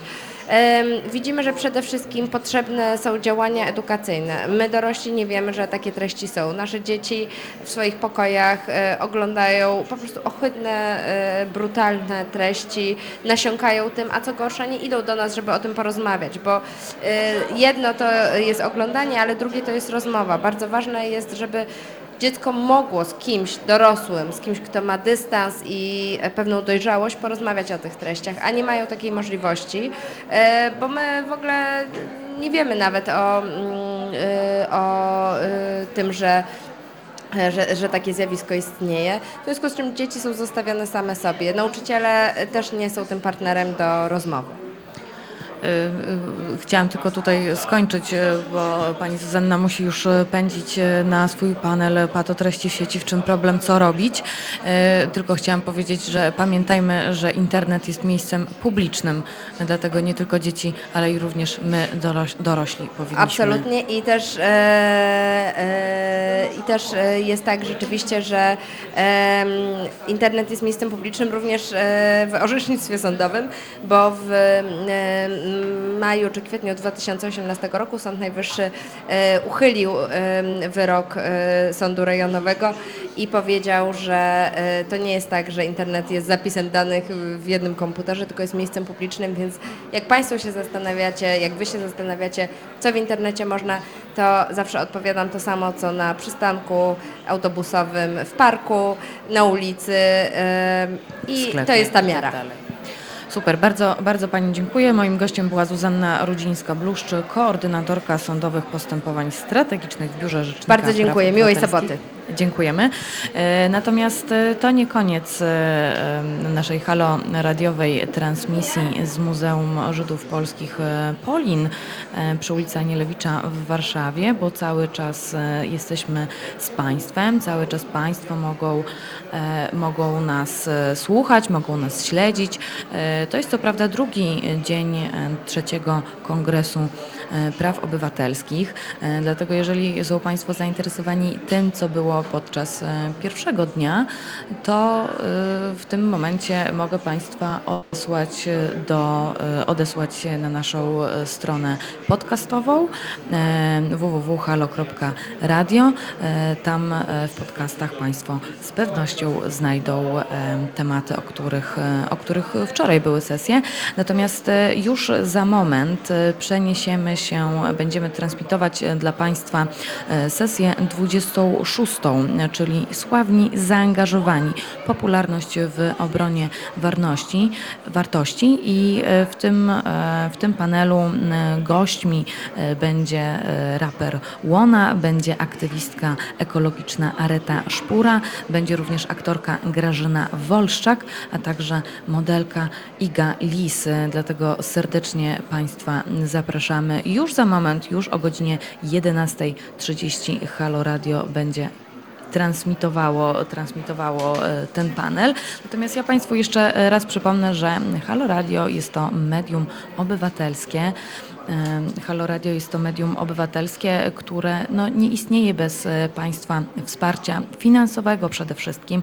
Dlatego tutaj bardzo serdecznie prosimy o wpłaty. Jeżeli są Państwo gdzieś w okolicy, jeżeli są Państwo w Warszawie, jeżeli są Państwo tutaj gdzieś w Muzeum Polin, gdzie trwa trzeci e, Kongres e, Praw Obywatelskich, proszę do nas wejść na pierwsze piętro, przywitać się z nami. Chcielibyśmy Państwa z pewnością poznać. Natomiast e, jeszcze chciałabym jeszcze chciałabym powiedzieć o, e, o panelu w audytorium, czyli Sławni Zaangażowani Popularność w obronie wartości.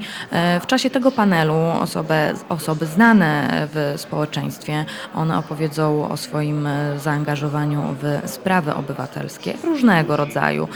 Przede wszystkim, dlaczego postanowili zająć publiczne stanowisko w ważnych społecznie kwestiach, dlaczego poświęcają swój czas na działalność niezwiązaną bezpośrednio z ich zawodową ścieżką. No i przede wszystkim, jaka jest redakcja w ich środowisku, wśród ich bliskich, no i przede wszystkim w odbiorze społecznym. Z czym oni się spotykają? E, Z jakimi reakcjami e, właśnie w swoim środowisku, e, no jak te ich działania są odbierane i tutaj przypomnę, że jeszcze raz uczestnikami, że jeszcze raz uczestnikami Uczestnikami tego panelu e, będzie e, Adam Zieliński, czyli polski raper, producent muzyczny, prawnik, również e, znany w środowisku jako Łona. Będzie również współzałożycielka modowej marki Local Heroes, ekspertka w temacie ekologii i zero waste, czyli Areta Szpura, a także oraz aktorka teatralna, filmowa Grażyna Wolszczak i współorganizatorka projektu profrekwencyjnego Olśnienie Iga Lis. Bardzo Państwu dziękuję. Słyszymy się e, już w audytorium. Do usłyszenia.